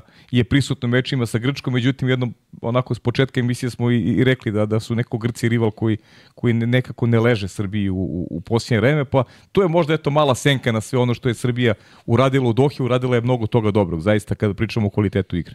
Pa dobro, ajde, mislim da taj poraz protiv Hrvate imao dosta veliku težinu i kod igrača i kod stručnog štaba. A verujem i kod uh, vernih pratioca vaterpolo igre i velikih vaterpolo znalaca. Pa su mm -hmm. onda svako je na svoj način to doživeo ili ti svako je na svoj način to preneo. Što pozitivno, što nego, negativno, što je nekoliko, ali to je sve normalno i tako je naše okruženje i vaterpola, vaterpolo držište. Mislim da je jako bitno da smo posle poraza sa Hrvatima dobili Mađarsku. Mm -hmm. Ajde to da pomenemo. Mađari koji su neugodan bili protivnik. I to bez Mandića. I to bez Mandića. Mađari koji su izgubili od Francuske, pa su bili šokirani, ali to ništa ne umanjuje našu pobedu i to je bila jako bitna stvar. Uh mhm. -huh. Da podsjetimo samo gledalca, smo mi dobili Mađare i na turniru koji se dešava u Budimpešti, iako je Mađarska igrala sa e, podmlađenim sastavom, ali već evo da kažemo ove godine smo ih dva puta pobedili. O, pada u senku ta, taj poraz od, od Grčke, ali bože moj, mislim da već kada nismo prošli u to polufinale, dosta je bilo teško onda iskupiti snagu. Siguran sam da je Uroš Stevanović tražio i u jednoj utakmici i protiv Mađarske i protiv Grčke o, određene stvari da bi igrači psihološki o, ostali i preneli neku energiju za olimpijske igre koje nas iščekuju i da ne može baš svako ko se ko se nađe na putu Srbije baš tako lako da shvati Srbiju. Sigurno je to neki psihološki pristup i tako dalje, ali moramo budemo realno da su i momci možda bili da malo potrošeni. Mm -hmm. A i nekako nam ta Grčka ne odgovara u posljednje vreme, kao što si rekao. E, na kraju ipak to pet, šesto mesto, tako? Šesto, da. Ipak na kraju to šesto mesto, mnogo, malo, dva mesta lošije nego Fukuoka, ali ne, bitno je to da smo se plasirali na olimpijske igre i da smo dobili grupu po meri, čini mi se u odnosu na, na, na grupu koja nas e, očekuje u Parizu. E, nije loše odigrano, dobro je bilo, može mnogo bolje i toga moramo budemo svesni, ja mislim da su i toga momci svesni i da pojedinačno ka govoreći, bilo je par pojedinaca koji su morali mnogo bolje, koji su već tu dugo u reprezentaciji, koji su i ranije bili preključeni u reprezentaciju, moraju mnogo bolje. Neću nikog da imenujem, pošto ra, drugačije je svakog karaktera, pa će to neko shvatiti lično mm -hmm. i tako mhm. dalje. A, da, da. Tako da, sad sam, sada sam iz ono uloge trenera, ne bih, ne bih možda ne bi bilo prijatno tako to da radim, Razum. tako da će da, da me razumeš, a sigurno da, sigurno da doprinos reprezentacije uvijek mora bude na najvišem nivou, odnos prema reprezentaciji, neke sitnice su mi smetale lično u igri, pogotovo u, u igri u toj završnici od tih posljednjih četiri minuta u igri protiv, protiv Hrvatske. Neke mm -hmm. stvari, neki je određeni igrači ne, mogu, ne, ne promišljene, ne mogu igrači sebi da dopuste. Uh, jer te nepromišljene stvari nas ubacuju neku drugu, neki drugi ritam i neko drugo razmišljanje. Mm -hmm. Mm -hmm. Jer smo mi sve do tada sve lepo radili, bili smo u šansi, bi, tamo smo krenuli da ih prelomimo. Tamo smo krenuli da ih prelomimo. I to se ni nažalost desilo. Ono što je iznenađujuće bilo dobro za našu reprezentaciju, to je da smo dobili dobrog Filipovića, da smo dobri raspoloženi igrače koji su u određenim moment, momentima davali uh, golove, a to se nije očekivalo od njih. Dobili smo Vica koji je bio igrač sa dosta zarađenih isključenja. Mm -hmm. Dobili smo najbolje blokira Jakšića koji je prvi blokir po statistikama da, osam blokova, na da. svetskom da. prvenstvu. Mm -hmm. Radoslava Filipović koji je četvrti po redu. Mm -hmm. I mislim da da li još neko tu sad pogledat ćemo, pogledat ćemo, pogledat ćemo, kasnije, pa ćemo, da, ćemo da, se time, da. Da, ali E, nekako utisak je, stiče se utisak da je, da je to dosta bolje nego što je bilo prošle godine. Eto, tako da, da, da završimo ovu to malu. To se potpisuje, ja se slažem. Da, slažem se. Bo, bolje nego Fukuoki, rezultat Jest. lošiji, ali, ali bolje nego, bolje nego Fukuoki. Do duše nije bilo ni mande u Fukuoki. Naravno. Realno. Tako da ovaj stvari su stvari su stvari su bolje, potrebno je sad potrebno je verovati u tu ekipu i i ovaj da se napravi da se napravi iskorak, ko zna, kotki se se možda kao što si rekao, možda se baš poklope tamo gde bude najvažnije. Upravo tako. U Parizu. Upravo Jer tako. ti ruku na srce četir finale negde, naravno sve to mora potići u bazenu, ali realno je da se plasira četir finale i onda taj čuveni meč četir finala, nešto što je napravilo dosta problema ovaj Srbiji u prethodnih godina, ranije se vaterpolu znalo, Srbija u četvrtfinalu bi počeo razmišljamo od polufinala u turniru. Da. Finale je bilo samo usputna stanica. To više što je bilo ranije ne bi se Nema, trebalo da se spominje. Ali ajde da. da porastemo i mi kao gledaoci i kao verni pratioci da damo tu konačnu podršku, ali pravo podršku tim momcima na olimpijskim igrama. Tako je. Ja mislim da će da nas vaterpolo nikad neće toliko obrukati, može samo da nas razočara na neki način, a to je sve normalno kada se promeni generacija i kada stigne sve na generacije. Jako bilo lepo da momci u Parizu prvi put se popnu na postolje. Zamislite to. Mm -hmm. Tako da, opet, nastavljamo tu tradiciju i zaostavštinu koja se dešavala na tim olimpijskim igrama. Dva, dva olimpijska zlata će onda imati svoj smisao i ova nova generacija i njihov selektor će dobiti sigurno na, na, samopouzdanju, na samopouzdanju i na njihovoj težini takođe pod, pod kapicom Srbija. Uh, Mm, mislim da bi neke stvari trebale da se malo poprave u odnosu na deo van bazena. Mm -hmm. Mislim da bi to trebalo mnogo, mnogo bolje da funkcioniše i sigurno da moramo svi zajedno da stremimo ka boljitku. Jer svako od nas je odgovoran za, za, za reprezentaciju. Možda će nekima da, da zvuči smešno ili ne, ali svako od nas ima udela i uticaja što u vaterpolo kući, što u samom bazenu kada momci nastupaju. Mm -hmm. Ima jedno pitanje Bogoljub Vrakela, sad nije loše da ga sada postavimo on se nadovezuje na tu izjavu uh, Andrije Prlinović i njegov komentar svega ono se dešavalo tamo uh, uz potenciranje ovaj, šta posle ove generacije jer sistema nema.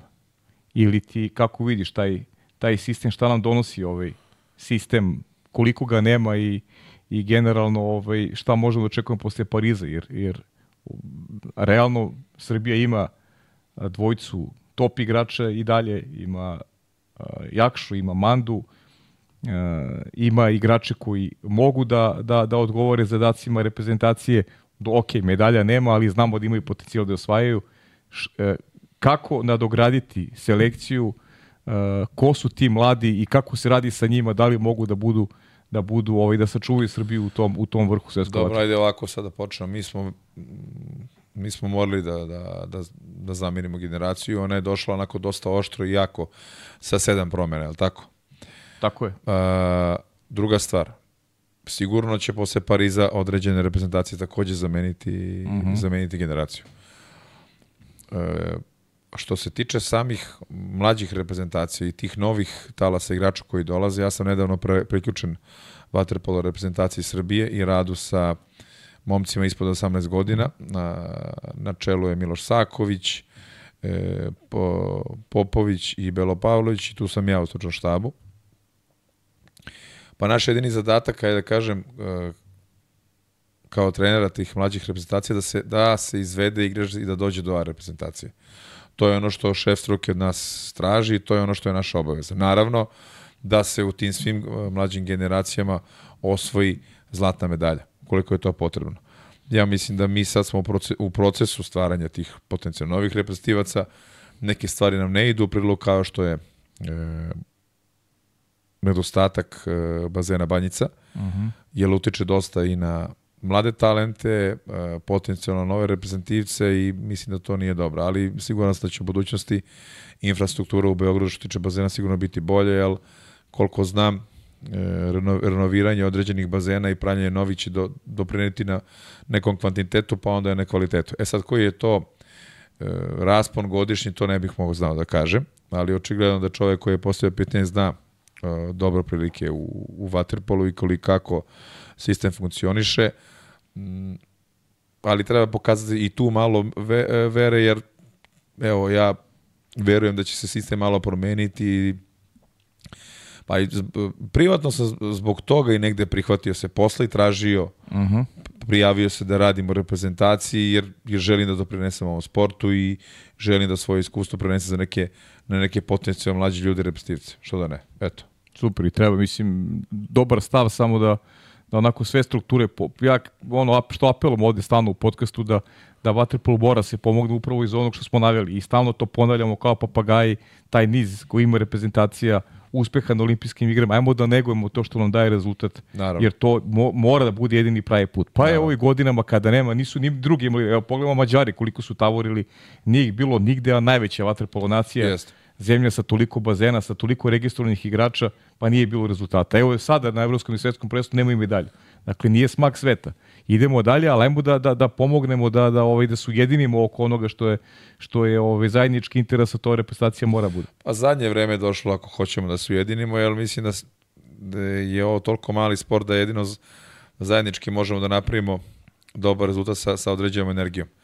Ovo raslojavanje ili ti neki raskoli mali E, a postoje, a postoje da se delažemo. Mali da, unutrašnji nesporazumi, tako da ih da. nazovemo postoje. Mm. Nažalost, to su, to su gledoci mogli da i da vide i da slušaju. Da, što... nažalost, mislim da ima ljudi koji su se radovali porazu od Hrvatske, što, je, što, je, što nije dobro, što, što je ovaj, tragično za, za ovaj sport, ali prosto to je deo naravi, deo neke, ajde da kažemo, kod nas, deo folklora, gde, gde da. ljudi ukoliko nisu uključeni ovaj, žele, žele loše onima koji jesu, jer, da. jer stalno nešto smatri da oni to mogu bolje da urade i mislim to je stvarno ovaj, uh, toliko smo mali, a, a ovaj, toliko to dolazi do izražaja da, da, da meni iritira. Da, onako, malo baš, nasela smo pip. Znaš. Da, da, da, jest, jest, baš, baš, baš tragedija, ali dobro, šta da radimo, to je tako. A nadam se da će biti bolje. bolje. Mi nismo ovde da menjamo sve, mi smo ovde samo da prenesemo neko naše znanje, Ma, iskustvo i da pričamo da. o tome. I da pričamo ono što da, vidimo. Da. Ti, ti sa mesta velikog sportskog znalca, novinara i čovek koji voli živi u Waterpolo ne bi napravio ovo pod kapicom i ne bi ovo ništa postojalo da, da, da to ti nisi pokrenuo, tako da svaka čast na tome, ajde, ali evo, ja sam igrao u reprezentaciji, svoj život sam bio podradio Waterpolo i još uvek sam u tom sportu i neke stvari znam i prilike. I nikada sueta nije mogla da, da pobedi ono dobro i čisto. Uh -huh. uvek, uvek je iskrenost i uh, odnos bio ispred toga. Nam, samo se, kod, malo su se poremetile neke stvari. Više nije sve podređeno reprezentaciji, nego, nego je klubaštvo napravilo raslojavanje u smislu otimanja uh -huh. i nedozvoljavanja nekih stvari. Uh -huh. Da, to smo imali prilike da vidimo. Da li će nam to dobro, donati dobro? Neće. Neće, sigurno. E, ja razumem i ljudi koji brane stavove kluba i razumem ljudi koji su uložili novac u te klubove, ali opet ipak je reprezentacija mora da bude krovna organizacija svega. Tako. I ona tako mora se ponaša i prema igračima, i prema reprezentativcima, i prema trenerima. Amin. Možemo posle ovog da čujemo, da čujemo Maksima Živaljevića, molim te Vlado, ovaj, impresije o svetskom prvenstvu i učinku Crne Gore.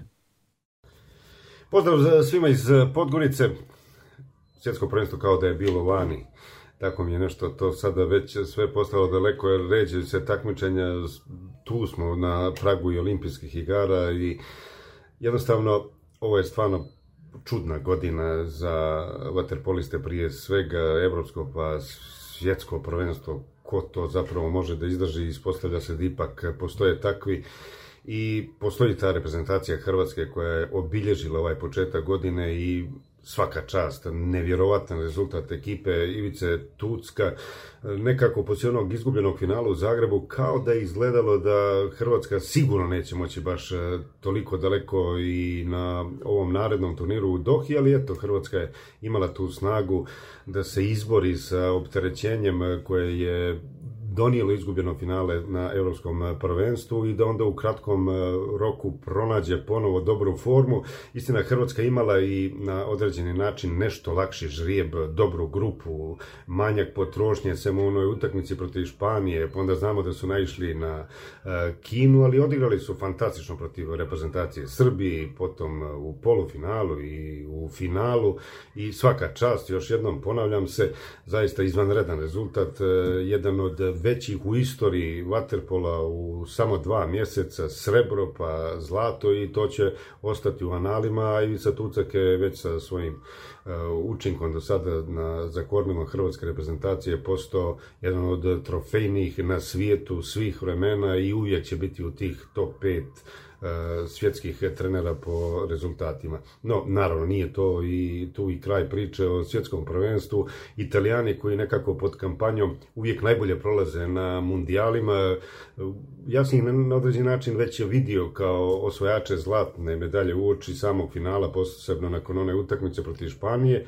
ali eto, nije mogla Italija, možda i potrošena koliko god da oni izgledaju fenomenalno spremni, kao da nisu bili na stotinu osto u toj posljednjoj utakmici kada je bilo najpotrebnije. Eto, koliko god da je Hrvatska imala nešto lakši put do finala, onda su Azuri stvarno imali izuzetno naporan put, autoput do finala i onda na kraju, eto, ispostavlja se, ja bih to tako ocenio, nisu imali dovoljno kvaliteta, snage da izdrže još tu posljednju utakmicu. Na neki način štete što možda Španija nije ostalo u mogućnosti da ove godine osvoji tri zlata, moraju da se zadovolje tim trećim mjestom, bronzanom medaljom, no ni to nikako nije mali rezultat, pa i bez obzira na snagu španske reprezentacije. Ko bi rekao Mađari kompletni da završe svjetsko prvenstvo na sedmom mjestu, ali eto, možda im se obilo glavu i to kalkulisanje sa timovima za evropsko i za svjetsko prvenstvo. Više ne znam da li tako monstruozan igrač kakav jeste Deneš Varga uopšte odgovara mađarskoj reprezentaciji u ovom trenutku pod komandom Žolta Varge, no Mađarska je velesila u svakom smislu i pronaći će oni apsolutno najbolju ekipu za olimpijske igre, to jeste glavni cilj ove godine.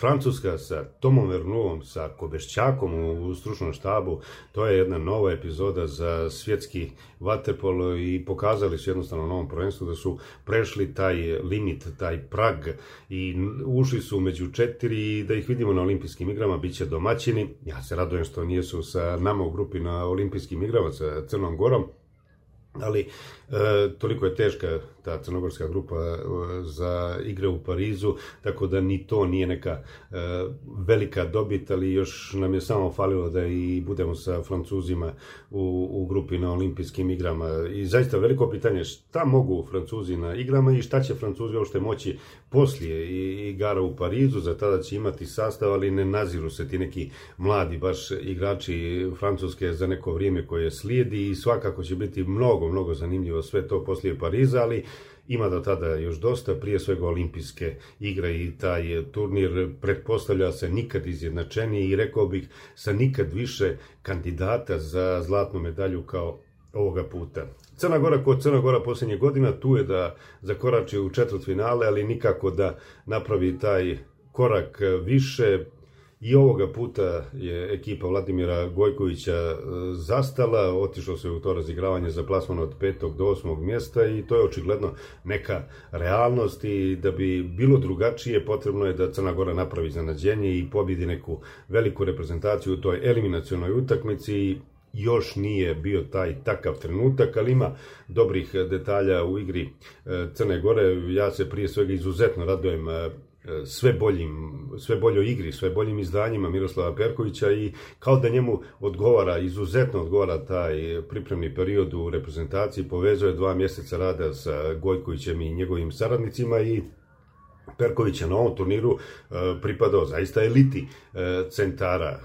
Grčka nije ponovo mogla da dođe do polufinala i zaista šteta, bili su na pragu takvog nekog rezultata, oni su i dalje moćan tim i on će taj tim da bude među kandidatima za medalju. Vidjet ćemo šta će moći da uradi Crna Gora u, u, u Parizu, šta će moći da uradi Srbija koja je takođe obećavala na ovom eh, takmičenju da bi mogla da zađe među četiri, ali došao je onaj meč protiv Hrvatske, dva neiskorišćena peterca, Dušan Mandić besprekoran do tada, onda eh, taj bijač na golu, Mandić nije došao do pogotka, pa onda ono njegovo jedno loše dodavanje u završnici i to je jednostavno taj splet okolnosti kada vam najbolje, a ni Strahinja Rašović nije iskoristio peterac, ne odrade na pravi način sve to što je bilo neophodno u finišu i Srbija je ostala bez te bolje, te borbe za medalju, ali dalje otišla Hrvatska i na kraju krajeva osvojila uh, zlato. To je neki ovako kroki presjek svega to što, toga što se dešavalo u Dohi, nisam bio tamo, pa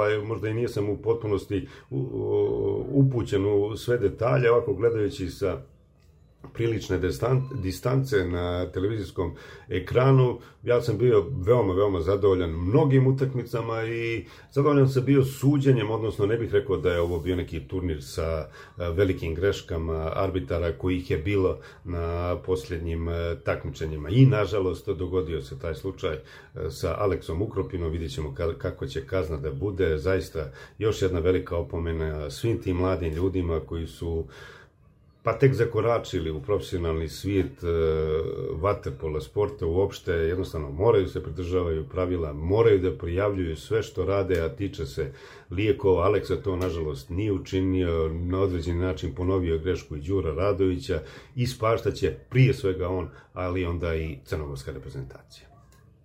Čuli smo Maksima Živaljevića, imamo onako jednu ajde da kažem, i baš onako neprijatnu vest, mora priznati da je meni baš teško pala više i od, i od tog neuspeha, a vezano je za, za Aleksu Kropinu, jednog divnog momka, e, koji je bio onako, da kažem, neoprezan.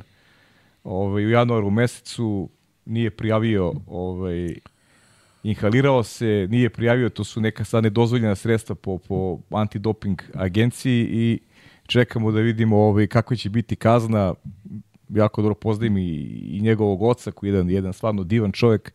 I evo ponavlja se Crnoj Gori Đuro Radović, sada i Aleksa Ukropina, znamo da ga sigurno neće biti na olimpijskim igrama, pa da se osvrnemo i na, i na učinak generalno, generalno te selekcije na ovom turniru. Pa dobro, šteta je stvarno što se to desilo, ta neopreznost, ali ajde budemo realni, Pavle, danas je taj berodual ili bilo koja substanca koja ima u sebi e, kortikosteroid ili ti pseudoefedrin daje deci od, od šest meseci i, dva, i godinu dana.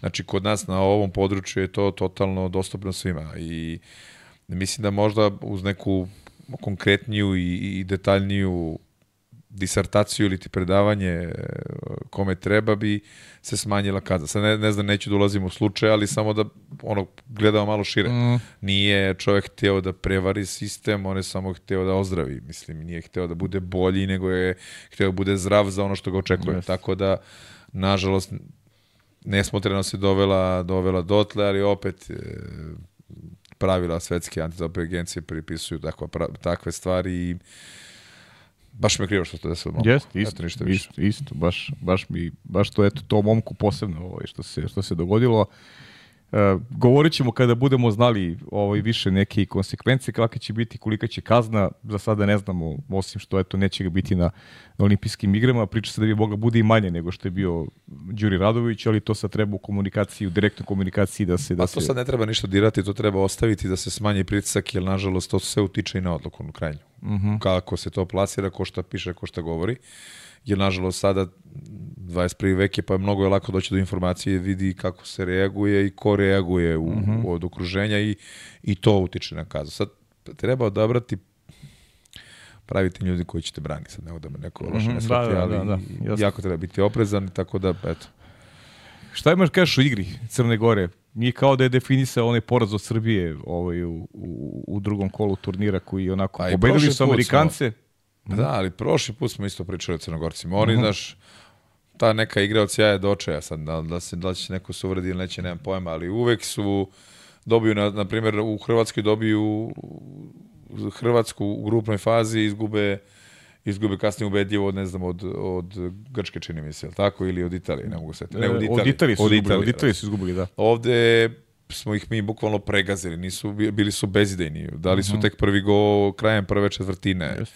Videlo se i po izjavi Vladi Gojkovića da mu nije bilo pravo i da mu bi- nije bilo svejedno i da je bilo iznenađenje. On je kasnije, uba, v, posle naše utakmice, ubacio Draška Brguljana koji mu je donao neku stabilnost u toj I igri. koji je igrao sjajno na ovom turniru. Jeste, mislim da ima najviše ukradenih lopti Jeste, po, po jeste, sajtu Total jeste, Waterpola, biš kolega ko znam. Pratimo, pratimo, da. Da, da. Bravo Marko, bravo, bravo Da, momci da. iz Total Waterpolo i I, i, I ne znam, mislim, dosta tu ima i nekih stvari van bazena koje se dešavaju u Crnoj Gori gdje nije ljudima po volji to što Crna Gora se stalno se vrti oko tog gospog mesta. E, pa mislim da Vlada Gojković je jedini trener koji radi pravu stvar. Mislim da sama činjenica da Jadran je već stabilan klub poslao, što, postao što u Evropi, što izlače talente iz, iz svog nekog pogona je dovoljna činjenica, tako? Mhm. Tako da možda bi oni trebali više da rade na toj njihovoj proširenju lige i na proširenju neke, nekog waterpolo šampionata u, u Crnoj Gori nego da se bave reprezentacijom i neuspisem. Mislim, Mhm. taj neki možda je, možda je to rešenje. Da određene sredine daju malo Pa veći jest, doprinos pa ovaj, jest, u afirmaciji jeste. i Oni imaju- igrača. Oni imaju u bazenu Nikšiću, tu se nešto tek eh, počelo da se pokreće, imaju bazen u- Podgorici. i to je isto, znači, ali mislim da tu još ima gradova koji bi mogli da imaju potencijalne vaterpolo centre kao što su Berane, kao što je Lovćen, Cetinje i tako dalje. Mhm, Slažeš se? Eto. Slažem se, pa dobro, eto i plasman, plasman olimpijske igre je, je nešto što Pa već standardan. standard. Od početka, od njihovog osnivanja, već je počeo postao standardan, još uvek nisu bili na postolju. Ja sam se lično po- pobrinuo za to dva puta, a vidjet ćemo sad da kako će proći, Da. kako se zove da, da, da. u Pariz. Da. da. I nešto je interesantno kad priča o olimpijskim igrama, koliko smo ovde onako penili i govorili četiri od pet reprezentacije Evropske će ići na olimpijske igre i pravili projekcije. Na kraju odoši i Sve Rumuni. smo pogrešili. na kraju odoši i Rumuni jer su Afrikanci, Afrikanci su odustali od, ovaj, od, od, Mislim, od to olimpijskih je igara. tek specijalna priča što se tiče waterpolo. Ajde kažem World Aquaticsa, znaš. Oni nešto uvek kume i mole tu Južnu Afriku da se pojavi negde, oni jedni neći, nemaju, znaš, nemaju ni, ni love, nemaju ni, ni, ni, ni ljudstva. I uvek, uvek je ta neka socijalno patetična priča vezano za taj, taj kontinent Afrike. Da, znaš ja... Se priča da, da, da, da su rekli ukoliko budu među 12 na svetskom da će onda da idu, da ne žele da ono, da šalju ekipu ukoliko ona ne može da da bude među 12 na svetskom. To je sad neka neka nezvanična priča, ne znam A koliko nisam je tačno. da se šalje zahtev za to, hoće da bude Pa, 12. pa ne, Dragi ne, hoće budu, ne, nego, nego govore o kvalitetu svog tima. Jer, Ne, ne, kapiram, kapiram. Kapir, ili kad, znaš, vide da su ono topovska hrana i nemaju interes, znaš, ne, ne žele da šalju ekipu samo da bi učestvovali. Znaš, ne znam da li je, da li je, to, da li je to tačno do kraja. A, mislim da mislim da to pozivanje Južne Afrike stalno da dolazi da bude topovska hrana nije rešenje. A, znam da FINA, to je sad World Aquatics, ima programe koji razvijaju waterpolo, možda bi trebalo više da se e, insistira na tim programima da se pokrene waterpolo u tužnoj Africi ne, ne bili zaživeo na malo ozbiljni način. Pa evo, pogledajte šta Kinezi rade, koliko su godina uložili i trenera sa ovih prostora, Da, stručnjaka, da. Ih vodi igrali da. neku tu ligu po Evropi i tako dalje, da bi se isplatio ovaj neki pomak mali. Sad, Osmina finala. Da. Ti si, da, rekao si među osam, da, osmina finala. Znam šta si Osmina mislio. finala, da, da, to, osmina osmina finala, da. finala, jest. Pa imate sad Brazil koji je dobio Srbiju u Riju, naravno sa nekom malo naturalizovanim nekim igračima, sad su totalno podbacili, ali opet igraju neki vaterpolo, Mhm. mm. postoje tamo neka liga, što letnja i tako dalje. Mislim da je to možda model za tu Južnu Afriku da se, da se, da se, malo, da se malo podigne, a ne da e, uzimaju igrače iz Britanije, pa ih, mislim, non stop je neka takva priča. Uh -huh. I u mlađim reprezentacijama, ko, u 20, u 18 i u, u seniorskim timovima. Uh -huh. Znaš, Znaš šta je dobro zapažanje Andrino, nisam, nismo ga prokomentarisali nakon, nakon, nakon što smo ga čuli. Ovaj, kako se stvorio neki jaz u svetskom vaterpolu generalno, mnogo je dobro što imamo Francusku tu kao devetu ili, ili možda čak i osmu, ili nije bitno, možda šestu, ne, ne znam koji, gde je ekstrastom po kvalitetu, ali su oni sada među tih devet koji mogu u četvr finale. I uh, onako daju taj neki veliki znači toj dinamici tih borbi u četvrfinalu, jer su se popeli do nekog vrha, do, evo, za malo da uzmu medalju ovde. Međutim, uh, posle tih devet reprezentacija mi imamo veliku rupu. Mi više nemamo nijednu tu zemlju koja, koja i preti da se priključi. Tu su sad možda Rumunija, Holandija, Nemačka. uh, nema, znaš, ne, ne znam koliko mogu neko dogledno vreme da oni budu nešto bliže da, da, da, da, da svetski vaterpol onda postane još dinamičniji, da bude ovaj, interesantniji za, za, za publiku, jer stvarno ovih devet reprezentacija posle je velika rupa. Pa dobro, ajde da, da uporedimo malo Rumuniju. Rumunija je imala zatišće, na primjer, posle Tijana Stanojevića, imali su zatišće sa rezultatima, sa reprezentacijom, evo sad ponovo su se vratili na tu veliku međunarodnu scenu. A ne nemoj da zaboravimo Gruziju, koja odlično, mm -hmm. odlično radi i napravila je par iznenađenja. Oni su bili osmi u Splitu, je tako? Jeste. Znaš, nisu uspeli sticam okolnosti se plasiraju vamo e, na, na, na, u Fukuoku. Takođe nisu uspeli, nisu imali ni šansu da se plasiraju na, na, na olimpijske igre sada u Parizu. Imamo tu Gruziju, mislim da fali još reprezentacija. Vreme će pokazati koja će to biti reprezentacija, ali konstantan rad i ulaganje donosi do nekog stvaranja nacionalnog tima da me neko loše ne shvati. Uh, evo vidimo, Nemačka je bila redovan učesnik olimpijskih igara, pa sada neće imati priliku da igra, tako? Tako je. E, desile su se kod njih isto promene u Savezu, došli su neki novi ljudi koji rade e, mislim samo treba dati, dati vreme na tim reprezentacijama od 9. pa nadalje, do to nekog 12. 14. mesta i tako dalje. Mislim da će vremenom i te reprezentacije ojačati, a sad kakav je program i kakva ideja i Evropske uh, plivačke federacije i svetske, nisam baš naj, najsigurniji. Jer mislim da je jako dobar sistem takmičenja, jer vi dajete ovim slabijim ekipama da igraju, da igraju sa slabijim ekipama, pa onda kasnije da idu na ove jake mm. ekipe. Jer više niste na topovska hrana na svetskim prvenstvima i, i za mlađe kategorije, on, odigraš, ne znam, osam utakmica, sve izgubiš i ideš kući. Mislim, naravno da to niko, niko više neće plaća. Pa to je, to je isto podatak za Južnu Afriku. Mm -hmm. Razumete? Jedino je tu napređenje. A sve ostalo mislim da uopšte nisu napredili. Pa evo, sad ćemo se dotaći, dotaći nekih tema koje su dešavale van kulisa svetskog prvenstva, što se tiče organizacije i sudijske i samih organizatora, što nisu bile realne, je tako? Tako je. Znaš, taj VAR sistem je tu da unapredi vaterpolu igru, oni su ga stavljali u nekim odlukama pod obavezno, gde se nije jasno videlo da li je da se desilo ili se nije desilo. Mm. Mogli smo samo da pretpostavimo. Ukoliko se ne upali ta kamera ispod vode, nismo znali šta se desilo. A, a, a tu... kamera vode je bila kamera ispod vode je bila samo u jednom delu bazena. Nije bila nije bila pokriv, nije bio pokriven ceo bazen. A možda Znaš zbog, što? možda zbog cirkulacije vode, zbog filtera. Znači, to, to, znači, toliko... A dobro, stvarno, najviše tih nonsensa, nonsensa, nonsensa ima samo u ovom sportu. Ja nisam čuo više, evo iskreno da. ti kažem. Pa- Iako ga mnogo volim, ali najviše ima tih, hajde kaže, gluposti u ovom sportu. A evo sad ću, sad ću ispričati jednu priču koja, koja nije poznata široj javnosti, a ovaj, sudija Stavridis. Dobro? Sudija Stavridis Grk je, je e, bio var sudija na meču Mađarska-Holandija konkurenciji dama u četvrfinalu. Ne znam ko su bile sudije, tražili su njega da proveri jednu situaciju u meču. To je Mađarska pobedila, Mađarska je pobedila u prošlu polufinale. On, on je rekao da je sve u redu, da, da je proverio da je sve u, redu. Ispostavilo se da nije proverio i da ništa nije bilo u redu. E, Sutradan je kao nag, nagradu, po znacima navoda, e, dobio da sudi četvrfinale Srbija-Hrvatska. E, pričali smo, popuno zaštna pobjeda Hrvatske, da ne bude da je ovo sad neka priča o Libiju i, i, i bez tog isključenja Dušana Mandića Srbija imala je, imala je teoretsku šansu da dva gola, da Hrvatska ne iskopa, da ode u meč u peterce, ali to nije detalj koji odlučio. Pričamo o tome šta se dešavalo dan ranije. Uh, on je sudio Srbija-Hrvatska, dosudio brutality u Dušanu Mandiću koji se apsolutno nije video, Nije bilo jasno šta je. nije bilo jasno šta je on je dosudio brutality i nakon tog meča, znaš šta je epilog? On više nije sudio nijedan meč na svetskom prvenstvu. On je poslat kući. Postaje kući na račun onoga što se desilo u meču. žena, tako. Utakmice žena. Kako je moguće da je on sudio četiri finale uopšte kad je napravio takav previd? I ti odlučuješ sudbinu uh, reprezentacija u četvrfinalu da sa takom jednom ja ne znam, to je kao, znaš, kao kad te ne zanima da radi svoj posao, to je, to je takva Da. reakcija. Da. I onda na sve to imaš taj brutality Mandića koji, koji niko živi nije video. On je negde video šta je video. I Izgleda da je video isto što i na meču Pa kad Mađarska kažeš brutality, da bi ostali gledalci razumeli, to je violence, kako se to kaže, violence, Violence, da. e, ne znam šta, ali Da. brutality mora da bude udaranje. Mora da bude taj Mora- e, mora da se vidi brutalan udaranje. udarac ili ti prekršanje, e, p- prekršana pravila.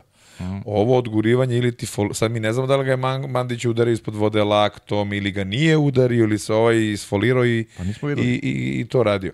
Ali činjenica je da su italijani prvi provalili foru, pa čim se nešto desi, oni se uhvate za glavu, pa onda sudije Da, stanu. jest. Pa to su radi protiv Hrvatske Imaš taj, u finalu. imaš taj deo. Onda imaš deo da nama Franulović sudi četiri utakmice. Jedan isti sudija ti sudi četiri utakmice. Pa kako to? Pa zar nemamo dovoljno sudija da neko drugi sudi? Je li tako? Da. Pa nije mogao Stavridis nije sudio, viš, to, to ljudi nisu znali mnogi, ili su znali pa nisu Da. da. tome ovaj pisali.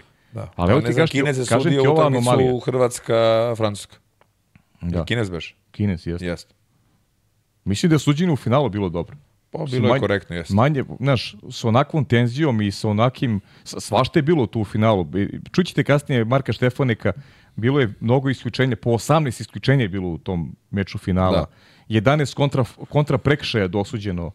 Ali neko, imam utisak da nisu ovaj, sudije onako bile uticale na, na, na, taj, na taj iskod. Znaš, to, to je neki moj utisak, makar bi ovako gledaš, do duše teško je kad nisi na, na Italija, bazenu. Španija je meni bilo bolje suđenje nego finala, iskreno ti Do, to, je, to možda i najbolje bilo suđenje. Da, to je moj neki utisak. da. da Italija Španija onako baš, baš bila dobra utakmica, Italijani odlični, Španci onako sve vreme vijali i tako da, na primjer, to mi je bila dobra, dobra utakmica, sudijska dobra utakmica. Eto. Da. Ali ovo recimo ovo Stavridis, ovo je, ovo je takva anomalija da je to neverovatno da ti nekog, znaš, da ti nekom dozvoliš uoste posle takve utakmice da on sudi nešto važno na svetskom prvenstvu. I da napravi još jednu iz mog ugla glupost, jer VAR mora da dokaže da se nešto dogodilo. Pa ti si dokazao, kako si ti to dokazao? Kome si ti predstavio to o, kao Kad dokaz? su gledali taj var i kad se to desilo, kad su doneli odluku da je on napravio grešku? Mađarska Holandija. Da, A, to, se, to se gledalo tokom meča, dobro. Oni su posle meča ovaj shvatili na Uvideli verovatno grešku. prigovor, na verovatno prigovor, uvideli da je bila greška i ustanovili da on uopšte to nije gledao. I? I ništa, čovjek je sudio. Znači, oštećena je Holandija. o, tako je i, i, nakon, to je to. i nakon toga, da, i nakon toga je on sudio Srbija i, i Hrvatska i nakon toga su ga poslali kući. Pa znaš što onda bilo? On više nijednu što onda sudio. bilo ko se bavi vaterpolom kada World Aquatics baš ih briga za neku reprezentaciju Holandije? Ma, br- briga ih za sve ih briga. Razumeš? Sve Verovatno su imali izgovor, ajde, kao nemoj da se žalite, osvojili se zlato u Eindhovenu. Da, da ne greši duš, sad ne znam na čiju štetu je ta odluka bila, znaš, da li Mađarice, da li Holandžaki, Pa pretpostavljam, znaš, da, da ne grešim dušu, u, utakmicu ku utakmicu Ali nisam sve gledao, je najiskrenije. neverovatno, znaš, sve je neverovatno da da on i uradio napravio tu grešku pa je dobio da sudi. Da. Pa su ga onda oterali. Pa, znaš šta priča, priča Marko, evo ćete ga čuti. Marko priča da su finale e, Mađarska SAD. Nijedna televizija nije, nije imala priliku da vidi posljednjih minut tipu tog finala. Crklo je link, sve je crklo. e, samo se videlo kako slave Amerikanke, to je sledeća scena, znači minut i po posljednjih, posljednjih minut i po utakmice, niko nije video na svetu. Pomračenje je bilo dobro. Pomračenje potpuno. A, a imamo još jedan moment koji želim s tobom da prekomentarišem. Ovaj, ja sam gledao tri utakmice u kojima je dosuđen uh, Brutality. brutality. Uh, Srbija, SAD, uh, Srbija, Hrvatska i Italija, Grčka. Uh, znaš šta se dogodilo na sva ta tri meča? Ne. Ekipa koja se branila sa, koja je bila sa igrači manje 4 minute, dobila je jedan napad 5 na 4. Obavezno dobila napad 5 na 4. Hoćeš da mi kažeš da, da se nešto dogodilo u bazenu, si video neke prekše u bazenu, ili je to neki trend suđenja koji je... Da nešto moraš kao daš. Pa kao nešto mora daš, pošto si, pošto si oduzeo, pa moraš u ta četiri minuta nešto i da daš. Da, Amerikanci su isto imali 5 na 4 jedan, u jednoj treniri. Da, I da, Srbija imala protiv Hrvatske. Da, da, sećam se, Srbija da. imala protiv Hrvatske 5 na Zajedno 4 smo napad. nosili, da, da, da. Tako je. I imali su isto Italija, Grčka imala je imala je imala je Grčka napad 5 na 4. Da. Oboje su jedan napad 5 na 4. Da, previše slučajnosti za tako neke Pa stvari. ne, pa ne, pa tu te, Ne, ne, to, to je, to je, ka, to je kao da su- sudim po nekom nahođenju, sudim po nečemu, po nečemu što je ustanovljeno uh, dogovorom, propisima koji nisu napisani, znaš. Da, ako je ovo, ako se desi, vidi da, da se desi ovo. Znaš, verovatno tako. Pa da, pa da. inst- Instrukcija Ti bila. znaš, neke stvari, neke stvari možeš ovaj, lako da predvidiš, ovaj, gledaš utakmicu i, i možda ih predvidiš unapred. Znači oni se ne dese, a ti možeš svoj glavi već da napraviš projekciju kada gledaš mnogo vaterpolo i pratiš, ti možda predvidiš šta će da se desi u neku sledeću Da, napadu. koliko smo ti i ja puta prošli pa smo znali šta će se dešava, Bukvalno. tako? Bukvalno. Ali dobro, to sad ne umanjujemo, ne umanjujemo ništa, Ne, nego ne, samo ne, komentarišemo. Sa- samo, ne, taman Jer posle. stvarno je, pa sećaš se kad smo radili uh, Final, Final Eight uh, na, na zatvornom bazenu na, na Novom Beogradu.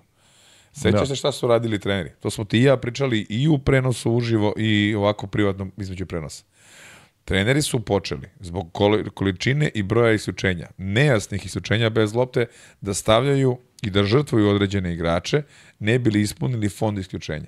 Da. Da bi ljudi koji igraju svoje pozicije ili ti igrači, kad treba, stali na svoje pozicije, da nemaju problem sa isključenjima ili ti sa dire, direktnom inercijom sudijskom na sudi isključenja. Ne znam da sam, da sam dobro rekao. Da, da, da, jesi, lepo si izradio. Jesi. toliko su postali porovidni da su treneri u svoje taktike uveli broj isključenja, žrtva na broj isključenja zbog nekog e, sabiranja i neke Pa da, tabele. pa što, što su, pošto sudije i sabiraju na kraju, gledaju da iznevelišu Pa naravno. kroz, kroz neke, Pa kroz naravno. neke situacije. Da ti su zadovoljni, to Pa da, to. eto, kao, imate, imate isto isključenja, šta hoćete. Upravo tako. Upravo tako. No, nažalost, mislim, to je neka, to je neka tema koju ti ja često pominjemo, nažalost, i koju, koju pričamo i koja je svaki put sve smešnija, smešnija sa nekim događajima koji se dešavaju, koji direktno utiču na, Kako ne, ovo, i na ishod, i na poziciju, i, mislim, ovo na ovo, je na ovo, svetsko prvenstvo, ti si direktno uticao na ishod ili ti na zauzeto mesto reprezentacije. Pa da, kako ne može To da nema po- ni jedan sport. Kako može da ne pogledaš var ako ti neko Pa to traži? nema ni jedan Da, sport. Da li je moguće? Zašto postoji var? Da bi ti rekao sve okej. Da, da bi rekao, pa da, okej, kao. Koga briga? Ali, ali znaš, i kad prenose var, ne prenose ga lepo. Nešto stave, pa u, ono, uvećaju, umanje, ni, ni to ne može se vidjeti. Pa da, to je Marko isto pričao, ti prvi put imaš upotrebu, upotrebu vara za start ispod, ispod vode. I to je sad opet neka tema, ti si igrač, ovaj, znaš, koliko, po, to on, ono što italijani rade, pa vidio si u finalu italijani, dva puta idu u neku liniju kretnje ovaj, i, i, i, i, i prosto se nameštaju uh, drži se za glavu. Dva puta je VAR Ne, reagovao, dva puta je VAR reagovao na, na, na, kontakt tako što se igrač Italije ostok u bazenu i ne znam, pog- pogodio ga grom, znaš. Da, da, da, da, da. I ti sad, znaš, sudija neko ko je, neko je mogao, zamisli da neko, neko je mogao svira brutaliti. Pa dobio, mislim da su dobili žuti karton za foliranje u finalu. Mislim da je Disoma dobio žuti karton za foliranje u finalu. A od, Dis- Kad Disoma je, kad su gledali var. Disoma je posebna priča, on je, on je opet tragičan finala, baš kao u Budimpešti. Da. Ono što je Disoma igrao protiv Hrvatske, ono je, ono je jezivo, ono je Jeste. neverovatno. One njegove odluke, šutevi, ono, u prvi, Sve što je dobro u Zagrebu radio, sve što je dobro u Zagrebu radio, sve je bio katastrofa. Isto u Budimpešti svetskom promašio oba peterca. Ovde, ovde ja, znaš, o, o, opet je promašio peterac. Znaš, onakvu utakmicu da mu kampanja da da šutira peterac, u onakvoj utakmici, ono je, ja ne znam, sve što mogu da upropasti, on je upropastio. Slažem se, slažem se. Dobro, Baš loše. da. Hoćemo da čujemo, da čujemo i Marka Štefaneka, toliko puta smo ga najavili, i analize svetskog prvenstva i posebno obrate pažnju na, na tih nekih desetak minuta priče da je govorio o World Aquaticu i, i svim ti nekim anomalijama e, koje se dešavaju na, na, na, na vaterpolu turnirima i kakav generalno vaterpol ima, ima tretman u World Aquatic organizaciji. Pozdrav svima, pozdrav cijeloj ekipi podcasta pod kapicom i hvala vam na još jednom pozivu da gostujem kod vas u emisiji, dam osvrt na trenutno završeno prvenstvo u Dohi. Pa evo da, da počnemo s tim da smo imali još jednu priliku se uvjeriti da ona teza da se vaterpolo igra u 5-6 zemalja ne stoji. E, na ovom turniru smo, smo vidjeli da postoji zapravo trenutno sigurno devet ekipa, to ovih prvih devet u poredku, koja svaku svaku može dobiti na jednu utakmicu i da su tu iznenađenja, ajmo reći nominalno iznenađenja i tekako moguća. Te da uvijek još uvijek imamo i dvije, tri reprezentacije uz njih koje e, mogu iznenaditi, to su Australija, Rumunjska i Japan, koje dosta rijeđe, možda ne mogu ići u, krug kvalitete ovih devet prvih, međutim isto tako na jednu utakmicu na slabiji dan protivnika gdje smo kako su Italijani mučili primjerice s Rumunjima, Australija tu može biti blizu šteta što, što, što Janger ne igra i Kiz, jer mislim da bi to bile, da bi Australija bila sigurno u samom, u samom vrhu što se tiče kvalitete sa tom dvojicom izuzetnih igrača, ali eto šta je tu je, znači te tri reprezentacije su još neke koje mogu pomrsiti uh, uh, račune ovima, ovoj ekipi iz top 9. Jel? Uh, što se tiče samog turnira, ajde da krenemo nekako od Hrvatske, koja se okitila trećim svjetskim naslovom u svojoj povijesti i moram odmah reći da je potpuno zasluženo osvojila tu medalju. Ne vjerujem da se ikakvi repovi da će se povlačiti ili se povlače nakon, nakon tog zlata. E, čisto evo da pokrijepimo to sa nekim statističkim podacima, da je Hrvatska zabila najviše golova na turniru, 107 za razliku od Italijana koji su drugi sa 101 golom na toj ljestvici, ali možda to i nije toliki pokazatelj e, e, kvalitet, kvalitete igre Hrvatske, koliko je činjenica da su recimo e, vodeći po broju asistencija sa čak 88 asistencija na turniru, dok su drugi italijani sa 63. Znači to je jedna ogromna razlika, više od 25 asistencija ukupno na cijelom turniru, na isti broj utakmica koji su oni italijani imali. Tu se vidi izuzetna razlika i zapravo pokazuje e, jednu momčadsku igru, izvrsnu realizaciju koju je Hrvatska imala na ovom turniru. Također prvi su po broju izborenih isključenja sa čak 100 izborenih isključenja na turniru, dok su drugi i treći Italija i Francuska sa 87 i 82. Opet tu vidimo jednu izuzetnu veliku razliku. E, koja je posljedica naravno vrhunskog centarskog para koji je iznio većinu turnira, ali isto tako i pri dodavanju E, e, i ulascima Burića i Žuvele koji su tu izborili isto tako 22 mislim ukupno isključenja znači praktički kao jedan treći centar e, su odigrali vrlo vrlo kvalitetno i na visokom nivou i to je rezultiralo time da je Hrvatska vodeća po broju golova postignutih s igračem više gdje je realizacija bila jako dobra i Hrvatska je na samom vrhu i po broju zabijenih pogodaka iz igrača više po utakmici. tako da eto, potpuno zasluženi naslov, zanimljive utakmice, možda se mislilo i očekivalo da, da Hrvatska e, još jedan turnir ne može odigrati na, na, na visokoj razini jer je užasno teško tempirati formu da kroz, kroz mjesec i pol dana da držiš nekakvu konstantu, izdržiš te napore, išli su i u produžet, e, i u, u penale, utakmice su bile duge na, na, na, na, na jedan gol, e, psihološki teško za izdržati, ali evo, izdržali su sve do kraja, utakmica finale izuzetno zanimljivo, mislim i za neutralne promatrače, i na kraju, evo, meni osobno jako drago da je Hrvatska naravno osvojila, ali ponavljam, potpuno zaslužena zlatna medalja. E, što se tiče najvećeg razočaranja turnira, e, pa ovako po plasmanu kad bi gledali, tu se definitivno nekako stavlja fokus na Mađare i Amerikance, Mađari sedmi, na kraju Amerikanci deveti, ali kada uđemo nekako malo, pokušamo dublje izanalizirati šta se dogodilo, e, Ok, Amerika je krenula sa porazom e, od Crnogoraca na peterca, otvaranje turnira, očekivano teška utakmica, tu si izgubio, ajmo reći, e, uzeo si na kraju samo bod, međutim sve je bilo otvoreno. I onda je došla utakmica e, Srbije, Srbije i Amerike, e, gdje po meni je to bila daleko najlošija utakmica ovog turnira.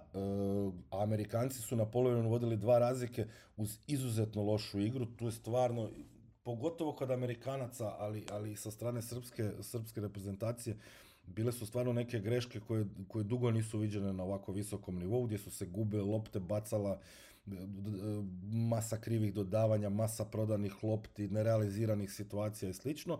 I tu su Amerikanci bili situaciji su vodili dva razlike i onda imamo ono isključenje Heloka, Brutality sa kamerom ispod vode, po prvi put u povijesti da se koristila kamera ispod vode za isključenje igrača. Kažem, malo ću se kasnije osvrnuti na cijeli, na cijeli taj segment vara, ali e, u tom trenutku kao da je turnir za, za Amerikance završio, gdje su ponovo imali situaciju da ostaju bez Heloka, e, ponovo su se našli, to, znamo koliko je on bitan za njihovu igru, Srbija je to iskoristila majestralno, 6-1 treća četvrtina, i možda i za Srbe nezgodna situacija jer je možda ta utakmica ih malo i zavarala i ta pobjeda prvi si u grupi. E, gdje, gdje omjer snaga zaista kroz prve dvije četvrtine te utakmice je pokazivao i neke slabosti u srpskoj igri, ali, ali isto tako e, je pokazao da je Amerika ne mora, ne mora na kraju nužno biti ta reprezentacija koja, koja završava deveta. Imali su nakon toga dobru utakmicu protiv Italijana, bili su blizu, ali jednostavno bez Heloka vidi se taj nedostatak i, i, i teško je nadomjestiti možda najboljeg centra na svijetu u ovom trenutku. Dok imamo s druge strane Mađare, koji su došli sada priključili sve ove dodatne superstarove koji imaju u ekipi Zalanki, Vargu, Janšika i, i, i Manherca i ostatak. I nekako su na momente, zapravo oni nisu tu imali šta puno pokazati. Imali su utakmicu s Talijanima koji su na kraju dobili sretno i spretno. E, znači, pobjedio si, nema ti se tu šta zamjeriti. I protiv Francuza si upao u nekakvu crnu rupu koja se u sportu jednostavno dešava. Djelovalo je kao da su ih na početku malo i pocijenili i vjerovali da će to dobiti lakše nego šta je, šta je bilo, jel? I otvorili su sa dobrom prednošću, imao si Peterac za riješiti utakmicu, fulo si, uče se nervoza.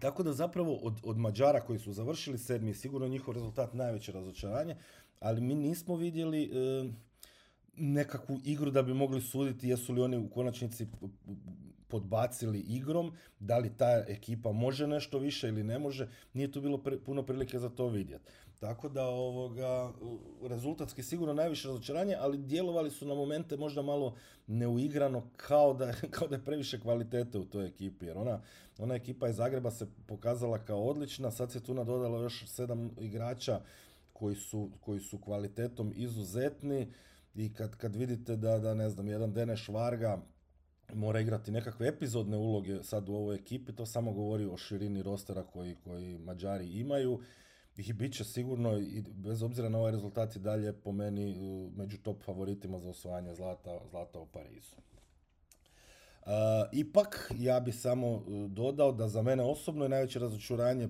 po toj igri kada gledamo ekipu koju smo imali prilike najviše gledati i, i, i vidjeti stvari koje mogu i koje ne mogu. Najveće razočaranje meni ipak je igra Japana, e, gdje su oni djelovali totalno pogubljeno i, i izbornik je pokušavao nekakve varijante koje očito njima ne odgovaraju, Naba izlazio desno, dijelio je minutažu među svim igračima, znači nisu stalno igrali najbolji, već uvriježeno nešto da mijenjaju golman na četvrtine, iako golman dobro brani, da ih na polovici moraju zamijeniti.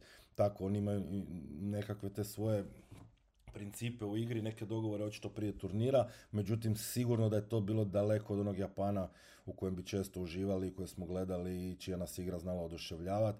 Ovaj put moram reći da je, da je na neke momente bilo, i, bilo ih i mučno gledati, tako da su za mene osobno najveće razočaranje turnira Japanci. E, dotaknuo bi se kratko samo i ženskog turnira, e, gdje smo imali povratak Amerikanki ponovo na svjetski tron i to na krilima njihovih najiskusnijih igračica, Maggie Stephens, Fatal, Johnson i Musselman. Znači ta velika četvorka koja sad uzela po peti svoj naslov svjetskog prvaka. Znači nakon što su Fukuoki izgubili od, Italijanka, od, od Italijanki bile iznenađene, ostale bez medalje ponovo su se vratile na vrh. E, nije to više ona dominacija, pošto tu ima nekoliko mlađih igračica, nije to više dominacija kao ono u razdoblju između desetih i dvadesetih, ali e, definitivno titula bez mrlje i potpuno zaslužena pobjeda. Dobili su sve ekipe koje, koji su bili nekak, u nekakvoj konkurenciji da, da, da bi ih mogle ugroziti. E, ne sa prevelikom razlikom, ne predominantno, ali, ali suvereno i nekako su kontrolirali cijelu tu situaciju. I kod žena također isto koji kod, kod muškaraca imamo situaciju da je top 8 definitivno međusobno konkurentno i na jednu utakmicu svak svakog može dobiti. A tu u nekakvoj perspektivi se pojavljuje i Novi Zeland i Kina, s kojom je jako teško znači šta i kako se radi, ali definitivno u tim dvijim ekipama ima perspektive da se priključe, priključe ovima najboljima kroz dogledno razdoblje. E sad, ono na čega se na kraju isto tako moram dotaknuti e, je definitivno e, rad World Aquaticsa i odnos World Aquaticsa prema waterpolu kao sportu.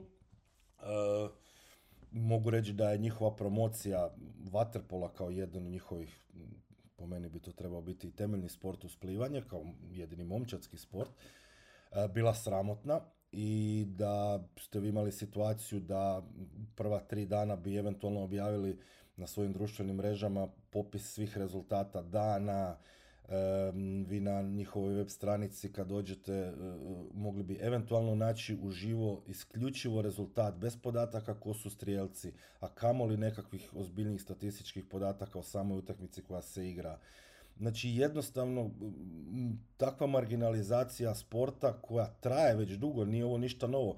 Međutim sa ovim promjenama koje su, koje su najavljivane i sa, sa, sa promjenom vodstva i gdje su se e, e, pokazivali napori da se nešto želi promijeniti, nije se promijenilo apsolutno ništa. Dobili smo Spider Cam na bazenu koji je već u nekoliko navrata bio, sve ostalo je bilo baš loše, loše i za zaborav. Oni su imali sigurno minimalno što ja znam dva fotografa uz bazen kroz cijeli turnir, nije objavljeno više od 20 slika i to prekriveno sa prilično lošim, lošim grafikama World Aquaticsa koji su čak i, i, i, narušavale kvalitetu tih samih fotografija, ali sa dva, sa dva fotografa na bazenu objaviti 20-30 slika sa cijelog natjecanja, to je stvarno ispod svake razine. E, što više reći ako kažemo da je, ne znam, i u službenoj statistici na kraju turnira objavljenoj e, najbolja strelkinja turnira Novozelanđanka, po njihovim imala 31 gola, zapravo je zabila 30.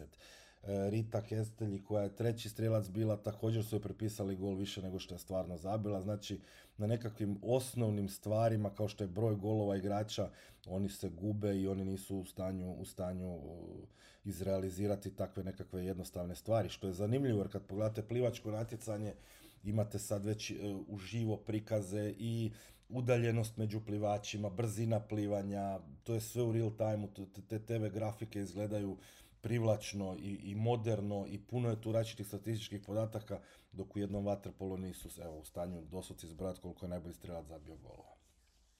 E, pa onda to vodi da, da, da imate situacije da proglašavaju za najbolji igrače utakmice e, ljude iz protivničkih ekipa koji ni u protivničkoj ekipi nisu bili najbolji igrači, pa onda to izaziva nekakvo susramlje kod njih kad moraju davati onu izjavu na kraju. Uglavnom, baš sve zbrda z dola, evo recimo komentatori e, prva tri, dva, tri dana Azevedo koji je izuzetno dobar kao su komentator, odnosno stručni komentator i recimo to je neko osvježenje koje se konačno pojavilo prije dva, tri turnira kad je on počeo to raditi. I te utakmice kada je on su komentator ipak djeluju potpuno drugačije nego kad slušate tišinu koju smo slušali u većinu turnira ovoga. Znači, oni bi odrađivali s komentatorima dvije do četiri utakmice dnevno i to u kasnijoj fazi turnira, u drugom tjednu, a prije toga to jednostavno djeluje sablazno, prazan bazen, e, masa žvižduka sudaca, isprekidano sa nekom psovkom trenera, to je stvarno zaista, zaista negledljivo bilo kome ko nije ozbiljan fanatik za ovim sportom. E, i situacija je bila, ne znam, na primjer, da su objavili grafiku finala e, između Hrvatske i Italije na kojoj je bio Andrija Bašić, koji niti je igrao na Europskom prvenstvu, niti je igrao u Dohi. Mislim, to su sve nekakvi detalji koji puno govore o tome na koji način oni pristupaju Waterpolu i, i zapravo na koji način mm, oni žele, odnosno ne žele e, promovirati ovaj sport, da tu ne postoji nikakav interes da se to digne na viši nivo, to jednostavno meni nije jasno. imali smo jednu nesvatljivu situaciju koja se dogodila, a to je da je u zadnjoj minuti ženskog e, finala između Amerike i, i, i, i Mađarske, znači u doslovce u ključnim trenucima utakmice, kada na dva razlike Mađarice imaju timeout, jednostavno je nestao signal i nitko ko je gledao putem e, TV-a, putem streamova ili, ili putem E, broadcasta nije mogao vidjeti šta se desilo u zadnjoj minuti utakmice. Signal se pojavio dosta u zadnjoj sekundi kad su Amerikanke skakale u bazen i niko nije imao priliku vidjeti šta se dešava u zadnjoj minuti. E, to su meni nekakvi nesvatljivi propusti na toj razini, a kažem, pogotovo kad se u obzir uzme plivanje, s kojim se očito može, zašto se ne može s vaterpolom, pod istom stekapom, isti ljudi bi to trebali raditi, zbog čega je to tako, nikad nećemo znati. I samo bi se za kraj još dotaknuo Ivara, odnosno ponovno te improvizacije vara, jer nas var svako natjecanje s nečim iznenadi.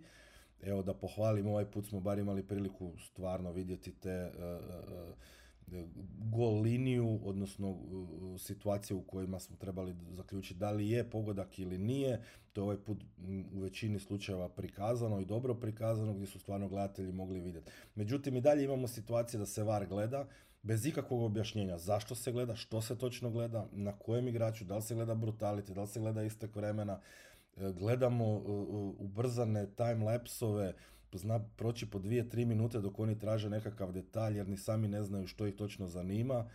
Imali smo tu situaciju sa Helokom gdje, kažem, prvi put se gledalo uh, brutality zbog udarca ispod vode, što je presedan do sada. I moram priznat, pričao sam sa nekim igračima, nitko od njih nije prije turnira bio upoznat s time da je moguće gledati, ovo je televizijska kamera koja je, koja je snimila Heloka, i e, praktički na temelju televizijske snimke donesena odluka da on dobiva brutality. Ja nisam za to da, e, e, da se dozvoljavaju takvi udarci, pogotovo udarci koji su opasni za zdravlje, za zdravlje igrača. Međutim, e, vi morate znati da je kamera postojala samo na jednom dijelu bazena. Bilo je sigurno 5-6 situacija e, za vrijeme turnira koji su se odvijale na drugoj strani bazena, gdje je sigurno također bilo udaraca, međutim se nisu jednostavno mogli provjeriti zbog toga što ne postoji kamera pod vodom i takve situacije bi se puštale i igrači bi prolazili nekažnjeno. E, ponavljam, mislim da, da, da sa tim podvodnim varom i gledanjem pojedinih stvari, treba biti dosta oprezan i da tu uh, se prije svega trebaju napraviti nekakve analize i detaljno uh, i striktno propisati šta će se točno gledati, a šta neće. Jer ipak moramo biti svjesni da je nekako u kulturi igranja vaterpola su neke stvari pod vodom više dozvoljene nego što su van vode i da su svi igrači i kao, kao djeca učeni da na neka mjesta glavom ne smiješ ići, to je tipa imamo primjer E, Jokija Grate e, i, i tog isključenja koje ponovo kad ti vidiš e, snimku ispod vode reći ćeš da, udario ga je, udario ga je u glavu. Međutim, povući ću, možda ću iskarikirat pa bi povukao jednu paralelu. Zamislio sam nogometni trener i da i da kažem svojim igračima dok branimo korner da svi legnu na peterac i da jednostavno čekaju da protivnički igrač skoči glavom i, i nagazi ga kopačkom jer će sudac poništiti gol i da crveni karton protivničkom igraču.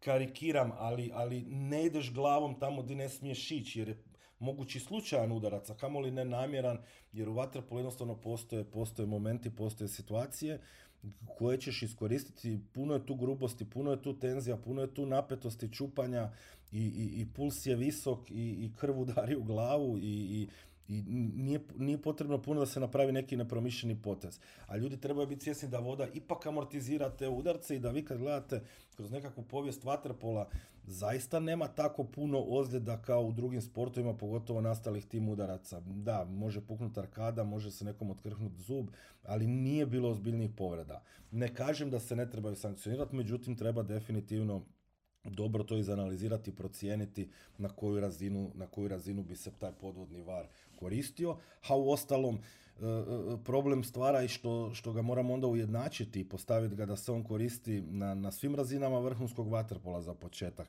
Ne može se desiti da nam Perone igra u terasi i nekoga može lupiti nogom u glavu i onda dođe na svjetsko prvenstvo e, koje se igra jedan put u dvije godine i tamo vrijede potpuno druga pravila.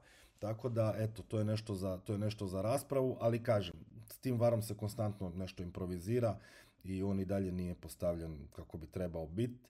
ali mm, nadam se da će nešto promijeniti u budućnosti, iako ovo sve skupa djeluje dosta tragično, ali eto, možda, možda gore i ne može. ali da završimo nekim pozitivnim tonovima, evo, prije svega ono bravo, bravo, bravo za Hrvatsku na osvojenom naslovu, bravo za sve igrače i igračice jer su podnijeti ovakve napore u mjesec i pol dana i opet pružiti vrhunski zanimljiv i uzbudljiv vaterpolo kapa dole svima i naravno jedan veliki bu za World Aquatics na kraju. Eto, pozdrav svima vama u studiju i nadam se da se vidimo uskoro. Ćao. Eto, čuli ste, čuli ste Marka Štefaneka, opširna onako prilično analiza, kaže meni interesantno, pogotovo tih završnih 10 minuta i, i, i eto i ovom prilikom se i zahvaljujem ovim momcima kako su odradili posao, evo mi ćemo samo da prokomentarišemo još na kraju i, i pojedinačni učinak ovaj, na turniru, upravo koristimo podatke sa, sa Total, Total Waterpola i naravno još ćemo da odgovorimo na na neka, na neka pitanja ovaj, gledalaca uh, koja su, makar meni, interesantna. Uh, Nikola, hoćemo da prođe malo na tu, Može. na tu statistiku ovaj, uh, turnira, uh, da vidimo šta je tu šta je tu interesantno. Dakle, rekli smo obrnama Hugo Fontani, Marko Bijač, mada Marko Bijač, obrane Marka Bijača su onako imale baš posebnu težinu u tim nekim Jeste. najvažnijim momentima pa, turnira. U odnosu na našu utakmicu bio je, mislim da je bio prevaga. Ona dva peterca što je odbranio su donala prevagu i na kraju što je upohvatao par šuteva. Nije mi da. on bio najsjajniji sa odbranama u, u četvrtfinalu protiv Srbije, ali dva peterca koje je odbranio su baš napravili veliku razliku o, što se tiče bijača. Kasnije u polufinalu, u finalu bio jedan od glavnih igrača i mm. doneo je isto prevagu u odbrani gde je sa svojim odbranama baš onako Hrvatsku držao u, u igri. I u polufinalu i u finalu. Naravno, Anić, koga smo spomenuli na početku ovog podcasta, gde smo rekli da dve odbrane su donele, donele jako velike, važne pobede za njegovu ekipu, tako da kologanski par hrvatske reprezentacije je jako odličan na ovom da. svetskom prvenstvu. Mada je Delungo ima 49 obrana, ima manje od Filipovića, ali ali Delungo je takođe na tim nekim važnim utakmicama stvarno branio dobro, baš je reč o, da. ovaj, da. o, o, o, o sjajnom, o sjajnom golmanu. Da. Uh, najviše, najviše isključenja ima uh, na, na, na Bodegasu, tako? Igrač koji je 33, da. Onda Vrlić 29, Perković je zaista sjajan turnir 28, odličan Perković na, na oba turnira na Evropskom i Svetskom prvenstvu, o tome je pričao i Maksim Živaljević. Evo Luka Lonča, eto podatak koliko su koliko je moćan Hrvatski taj tandem centri, da. hrvatski centara. Sad da. vi zamislite da sa dva centra imate 56, 55, 50 isključenja. 55 isključenja. Da. To je prosek 8 po utakmici. Osam, tako? tako je. Evo, nema, nema ni jednog srpskog centra, nema među, među da. deset najboljih. Ja sam mislio da će se naći tu vicu, ali da, nije, da, da. očigledno nema. nije, nije ovo, izborio taj, taj broj isčenja. A pazi, Toma Vernu ima, ima 19, a, a Toma Vernu tokom turnira više igra s poljne pozicije, više su igrali Bo, Bodegas i, poslednjih, pos, i, i sa, Poslednje tri utakmice su igrali, dosta je izlazio s polja, Verno. Da, da. Početak je sam igrao na centru. Pa neka ideja Vjeka Bišćaka je više da ga, da ga, da ga izloči s polja, da igra više s polja, a, a, a Saudije i, i, Bodega su ti koji, koji a igraju. Saudije, samo da kažem, gledati da je on bek. Da je on, on, da je on bek, da, da. Da nije, da nije centar. Da, nije onaj tipičan. Uh, najbolji bloker, naravno, Nikola Jakšić uvek mora da ga bude negde. I nešto je interesantno, Manda je tu visoko pozicioniran, on ima šest blokova, on je, on je deli tu poziciju tri. Sve se to dešavalo na utakmici protiv Crne Gore, gde su, gde su naši momci u odbrani bili neverovatni. Šumaru koja se nalazila ispred Radoslava Filipovića, takođe i u utakmici protiv Amerike. Tako da su, znam da je Jakšić imao čak 7 ili 6 ili 7 blokada protiv, protiv Crne Gore. Pa da, evo, jak, evo, da, Jakša, Jakša i Banda i to je pok, dokaz koliko su da. ti, ajde da kažem, najbolji igrači, koliko su bili ovaj, fokusirani na ono što se, što se dešava na, na turniru. E, najbolji, kra, e, najbolji kradljivac. Naj, naj, najveći, najveći. Dže, najveći džeparaš. Da, da. na turniru, da, ne, da se naljuti Draško, šalimo se malo. Draško Brguljan 11 krađe čak ima i stvarno Draško odigrao cijel turnir, ovaj super. Jeste, svaka mu čast. Broj godina 40 mu na, ne, ne nalaže da, da se to videlo u njegovoj igri, ali doneo jednu stabilnost i znaju kad treba stane na loptu par situacija kad je Crna Gora igrala dobro. Da, tu je Skumpakis i drugi. E, da. Skumpakis nije igrao protiv Srbije. Skumpakis je bio na tribinama. Sa futbolistom, Tako bravo. je. On, on, oni futbolisti nisu igrali. Granados i to je to i Granados koji imao devet, devet, ovaj, devet krađi, dobro. E, najbolji asistent Max Irving.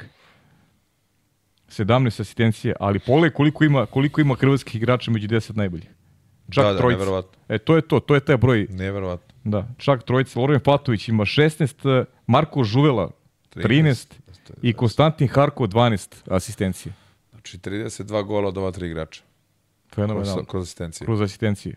Kažem, imali su 88, tu su daleko najbolja ekipa bili Da. na prvenstvu i Da. I to je to je dokaz zajedništva i tog timskog duha koji koji je uspeo da da da da, da Ivica Tucak ovaj predstavi. Zatim najbolji strelac Tomo Vernu. Pa dečko koji je već u Marseju pruža ozbiljne partije gde ga stvarno vrednuju kao jednog od, od, od boljih tih tala, boljih tih mlađih igrača koje dolazi. Evo sad je postao jedan od glavnih igrača u reprezentaciji Francuske.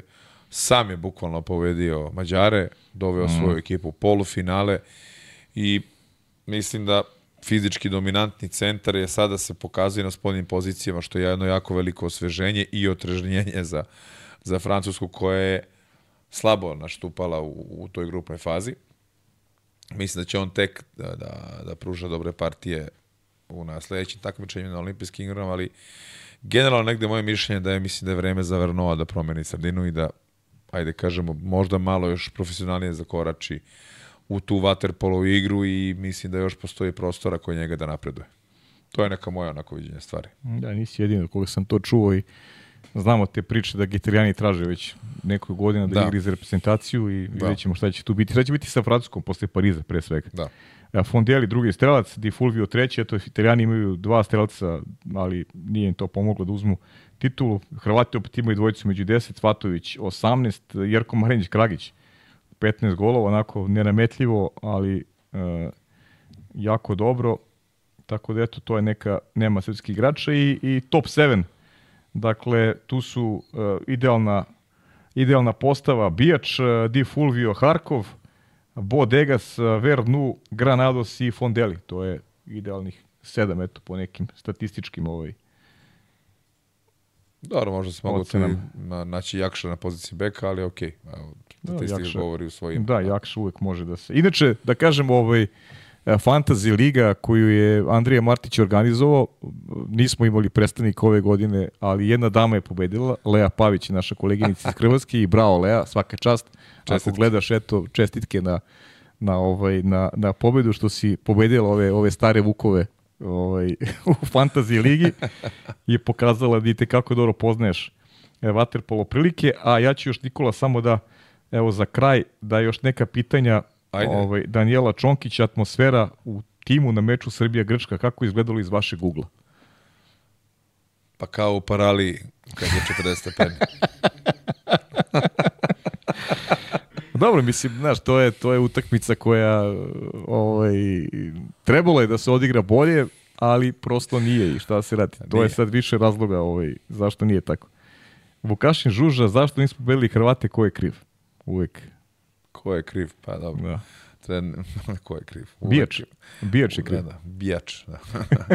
Bijač je kriv. Odbranio one peterce. Pa vidi, znaš kako, ja, stari igrači su uvek, ili ti treneri govorili da odgovornost najveć ide na trenera, ali ne možemo tražimo krivce. Odgovornost je takva bila da su u završnici te utakmice desile neke stvari koje su direktno uticale na, i na samopouzdanje i na i na raspoloženje igrača gde nismo uspeli da, da mi pobedimo i da prelomimo, prelomimo rezultat, nego je bilo obrnuto. E, ne treba tražiti krivca, treba gledati da, o- da ovi momci su mnogo bolje odigrali nego što su u ranijim e, prvenstvima bili.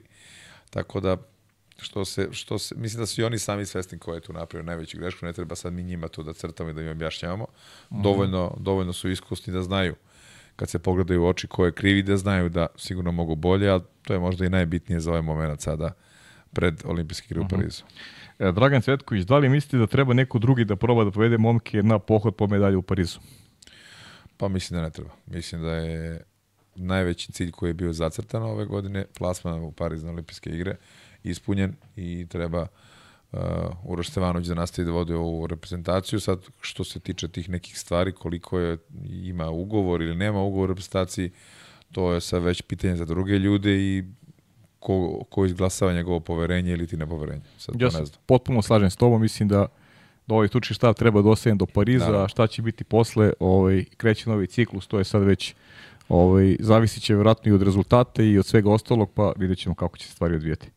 E, I ovo za kraj, to ostali namjerno sam ostavio pitanje Miloš e, Tampolja, sa koliko si prvi put krenuo treniraš vaterpolo, sa koliko godina? Pozdrav za, za gospodina Tampolju, on iz Novog Sada, inače mi smo uh -huh. ovaj, se družili kad smo bili klinci. Ja kad sam počeo trenirati vaterpolo sam nekih nepunih 10 godina i sad milijon puta sam to pričao, već mi je ono dosadilo. Dobro, pa Znaš, Verujem. Bio sam onako mali rumeni debo, što bi rekli. Debo? Da, da, što bi rekli Lale i išao sam na taj neki hokej i ovaj, onda je Keva onako dovijala se da, da nađe tu opremu koja se švercovala iz Mađarske, ali to bilo 95. godina, mm -hmm. je bilo teško da se mm -hmm. nabavi oprema za hokej. Posle nekog e, pregleda, sistematskog pregleda u školi, ustanovali su da mi onako malo kriva kičme da bi bilo dobro da se, da se bavim nekim plivanjem, da se ispravi ta kičma, što je za moju majku bilo ono kao, o, to super, kao kupujem ti gaće i pališ na bazen. da, da, da, kako oprema za hokej, Tako je, kakvi štapovi. Imam raste non stop, svaka tri meseca treba se da kupuje, imam kao gaće, zelen, gora, vidi tamo, znači dve mandarine i, i fendra. Šalim se i evo, banalno sam počeo, inače bata na ulazu, to jest na recepciji Spencer, to ćeš da brojiš pločice ili da si igraš loptom, da si igraš loptom, jedno sam, znaš, da. usmerio me na, na, ovaj, na, na vaterpolet. Da, nisi, nisi dobar s matematikom, tako da ne brojiš plot. A kaži mi još, još jednu stvar za kraj, pre nego što ti ovaj, dam mikrofon pa da možda kažeš nešto te nisam pitao ili što nismo pro, prozborili tokom podcasta, ili te zvao Stefan Ćirić možda? E, nije me zvao. Nije, a? Ali znači, se čuo s Jugoslavom i on me pitao kao što to radiš, nije u redu, Stefan ipak naš u stručnom štabu. Zvao sam ga na jednu privatnu proslavu koja, koja ovaj, očekuje meni i moju porodicu, ali nije mi odgovorio. Tako da, Ni, nije će odgovorio Da, da. Nije ni srce udario. Tako da, da. Ni, ni srce nije da. Da, Sin, sinovo je samo što bi rekli Da, da, bacio mi sin. Da. Samo je sinovo. Da, da. Ni meni se nije javio, tako da brinem ovaj. Pa, da se nije naljutio. Pa ne bi trebalo. Realno dobro, dobro for. Odlično. Svi su, svi su me zvali da je, da je top. Isto, i meni su to svi rekli. Da. Dobro. Podrška za Čiru, ne da za, za triple double. Da, da. Pozdrav Čiro. Pozdrav Čiro, nadam se da nema ljutnje. Idemo dalje. Nikola, je to to, a? Jeste. Stavljamo tačku na svetsko. Uh, ja mislim da već sad momci treba razmišljati o olimpijskim igrama, nije puno vremena ostalo i ponovo, za jedno dva meseca će se de dešavati pripreme, završit će se i Jadranska liga i Srpsko prvenstvo i Liga šampiona i momci će moći, mo moći da budu fokusirani za pripreme za Pariz. Što je jako bitno. Ja čak verujem da mi možemo i tamo da dođemo do postolja. Ništa nije nemoguće. Imamo kvalitetnu ekipu, ajde kažemo, dobro vođenu, je tako?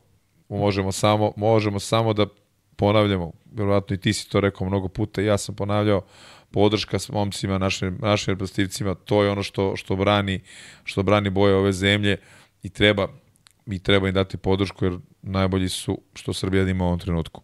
Mi ne treba da bežimo od toga, možemo samo da budemo realni u smislu i očekivanja i sve, i sve što momci urade i sve što od, odu korak dalje ide njima na, na, na čast, a mi smo tu da, da ih ispratimo i da uvek neko, nešto pročekulamo interesantno za vas gledalci. Eto. Hvala ti. Ja mogu da kažem nešto? Može. Budite nasmejani, kamera je uvek upaljena. Dame i gospodo, Nikola Rađen. Uživajte.